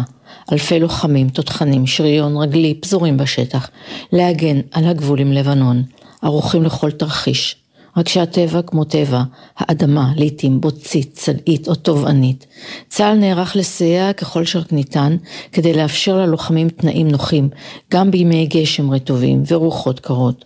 צוותים מיוחדים עוברים בין ריכוזי הלוחמים, בודקים את תנאי השטח ומביאים חומר לשפוך על האדמה, כדי למנוע שקיעתם של כלי המלחמה. הוויכוח בשטח, איזה חומר טוב יותר, כשהעלות חשובה גם היא. הם היו עמוסים, הוא אמר לי, אתה רוצה בהתחלה שתי משאיות כורכר? אמרתי לו, ברור, אני מעדיף את זה מהחומר הגרוס. אז הוא עשה את השביל הזה עם זה. עכשיו כל מה שמגיע זה החומר הגרוס. סליחה, אני אגיד לכם משהו. בעניין וגם בטח גם עם כל היופי, בדיוק, עם כל היופי, גם אני עובד בתחום.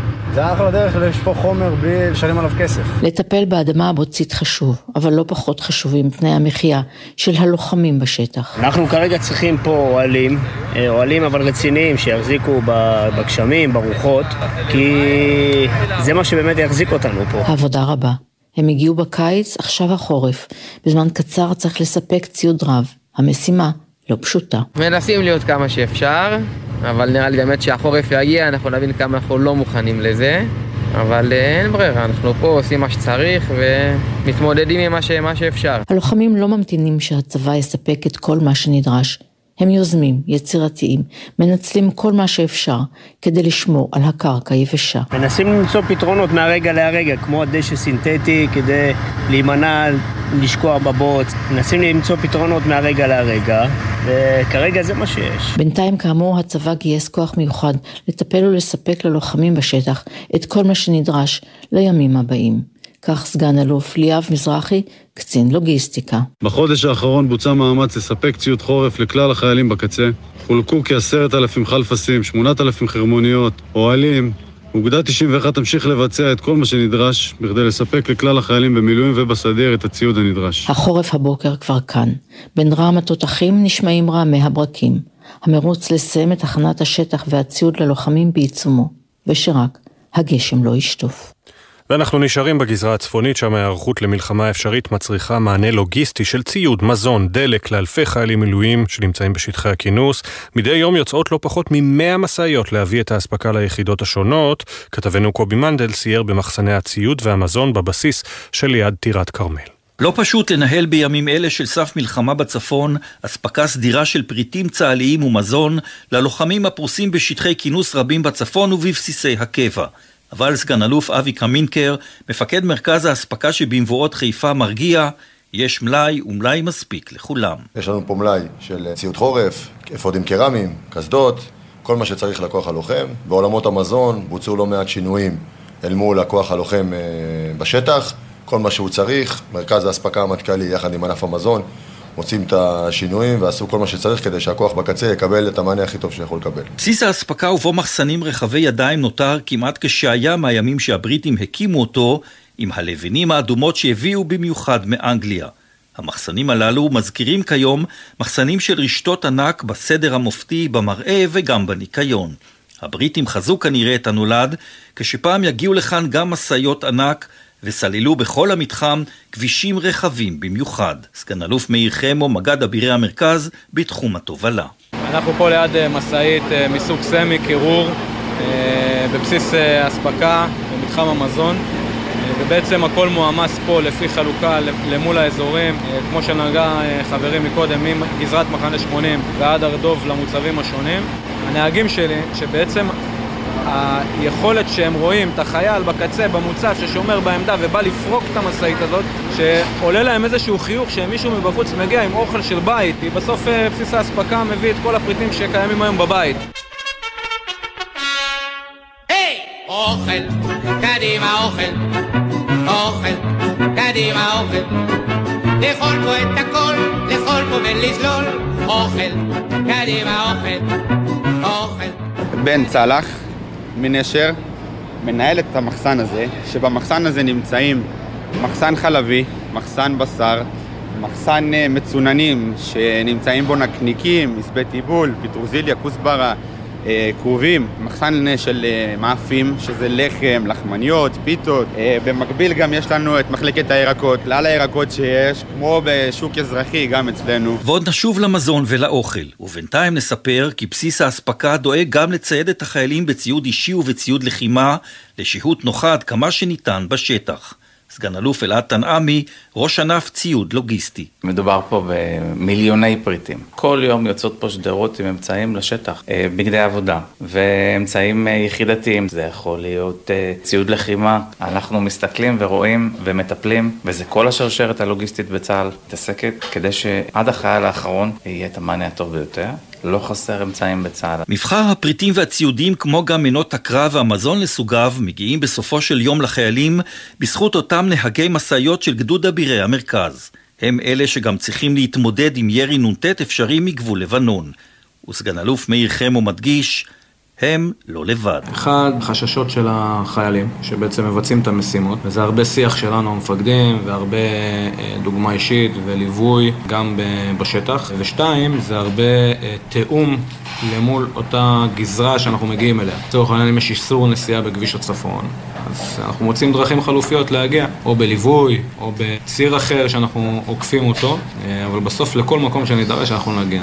אם תגיד לנו גם להגיע לתוך לבנון, אנחנו נגיע לתוך לבנון, בתיאום, באישור, בהבטחה, במה שצריך. ובחזרה למזון הצה"לי המחולק בימים אלה ללוחמים, יש לא מעט אזרחים מתנדבים הדואגים להכין להם גם אוכל מבושל וגם בשר על האש, אבל גם האוכל הצה"לי לא נותר מאחור. לא מעט מאכלים חדשים נוספו מאז תחילת המלחמה, מאכלים שבעצם דחקו הצידה את אלוף המיתולוגי. בנינו מארז אה, אנרגיה כדי לתת בוסט של אנרגיה ללוחמים שלנו. המארז הזה מכיל ג'ל אנרגיה, חטיפי חלבון, בעצם אנחנו עוטפים את הלוחמים שלנו לחיבוק חם, בעצם צ'ופרים שנתנו להם, עטפנו אותם בהמבורגרים, בפיצות שהגיעו לשטח, אה, ובעצם זה יצר את המעטפת של החוויה עם המעטפת אה, לתזונת הלוחם, שהיא זו שחשובה לנו.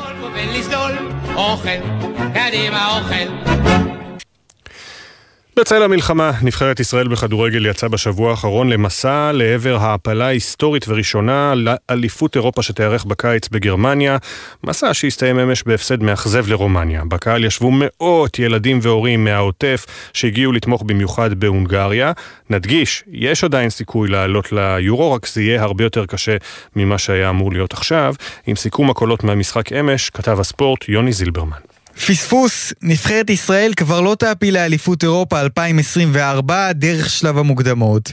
ההגרלה הנוחה, התוצאות שהיטיבו עם ישראל וגם התמיכה שזכתה הנבחרת ממאות ילדים תושבי העוטף גרמו לכולם להאמין כי הפעם זה אפשרי, כפי שסיפרו לנו אופק, זיו ודניאל, חברי משלחת ניצחון כחול לבן להונגריה. אנחנו ממש מתרגשים ואנחנו מאמינים בכל הלב שישראל תנצח. במשחק הראשון לא כזה התלהבתי כי היה 1-1, עכשיו אני מאוד מתלהב. מתלהב, ואני מקווה שאנחנו ננצח. ובכדורגל באמת צריך לנצח כדי לצבור נקודות, במיוחד יותר מהיריבות הישירות שלך להעפלה, ואת זה הנבחרת כשלה לעשות כשהיא הצליחה לגרוף רק שלוש נקודות מתוך 18 אפשריות מול שווייץ, רומניה וקוסובו. המאמן אלון חזן ניסה להסביר. באנו למשחק הזה, בכלל המשחקים, לנסות לה, להבטיח העפלה דרך המשחקים האלו. ידענו שאם אתה לא מספיק אחראי במעמד כזה, או טיפה לא מרוכז, אתה יכול לשלם מחיר, ושילמנו מחירים יקרים מאוד על טעויות קטנות. השחקנים בשלב שכבר טיפה אולי טיפה מאוחר, ניסו, לא עשינו את הדברים בצורה ש...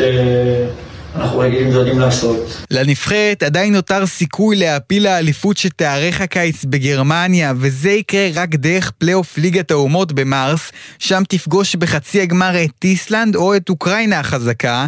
ערן זהבי שכבש את השער עבור ישראל אתמול, עדיין מאמין. זה חבל, כי באמת אה, הרגשתי שיכלנו לעשות את זה, הרגשתי שאנחנו באמת במוד טוב, אבל אה, אנחנו לא מורידים את הראש, אה, יהיה לנו עוד הזדמנות במרץ. אני לא מוותר על ההזדמנות האחרונה הזאת. יחזרו שחקנים חשובים, מנור, עבדה אולי, אנחנו נעשה את זה, אנחנו נעשה את זה. ביום שלישי הקרוב תנעל נבחרת ישראל את שלב המוקדמות באנדורה במשחק מול הנבחרת המקומית, בתקווה לסיים לפחות את המפגש הזה בניצחון.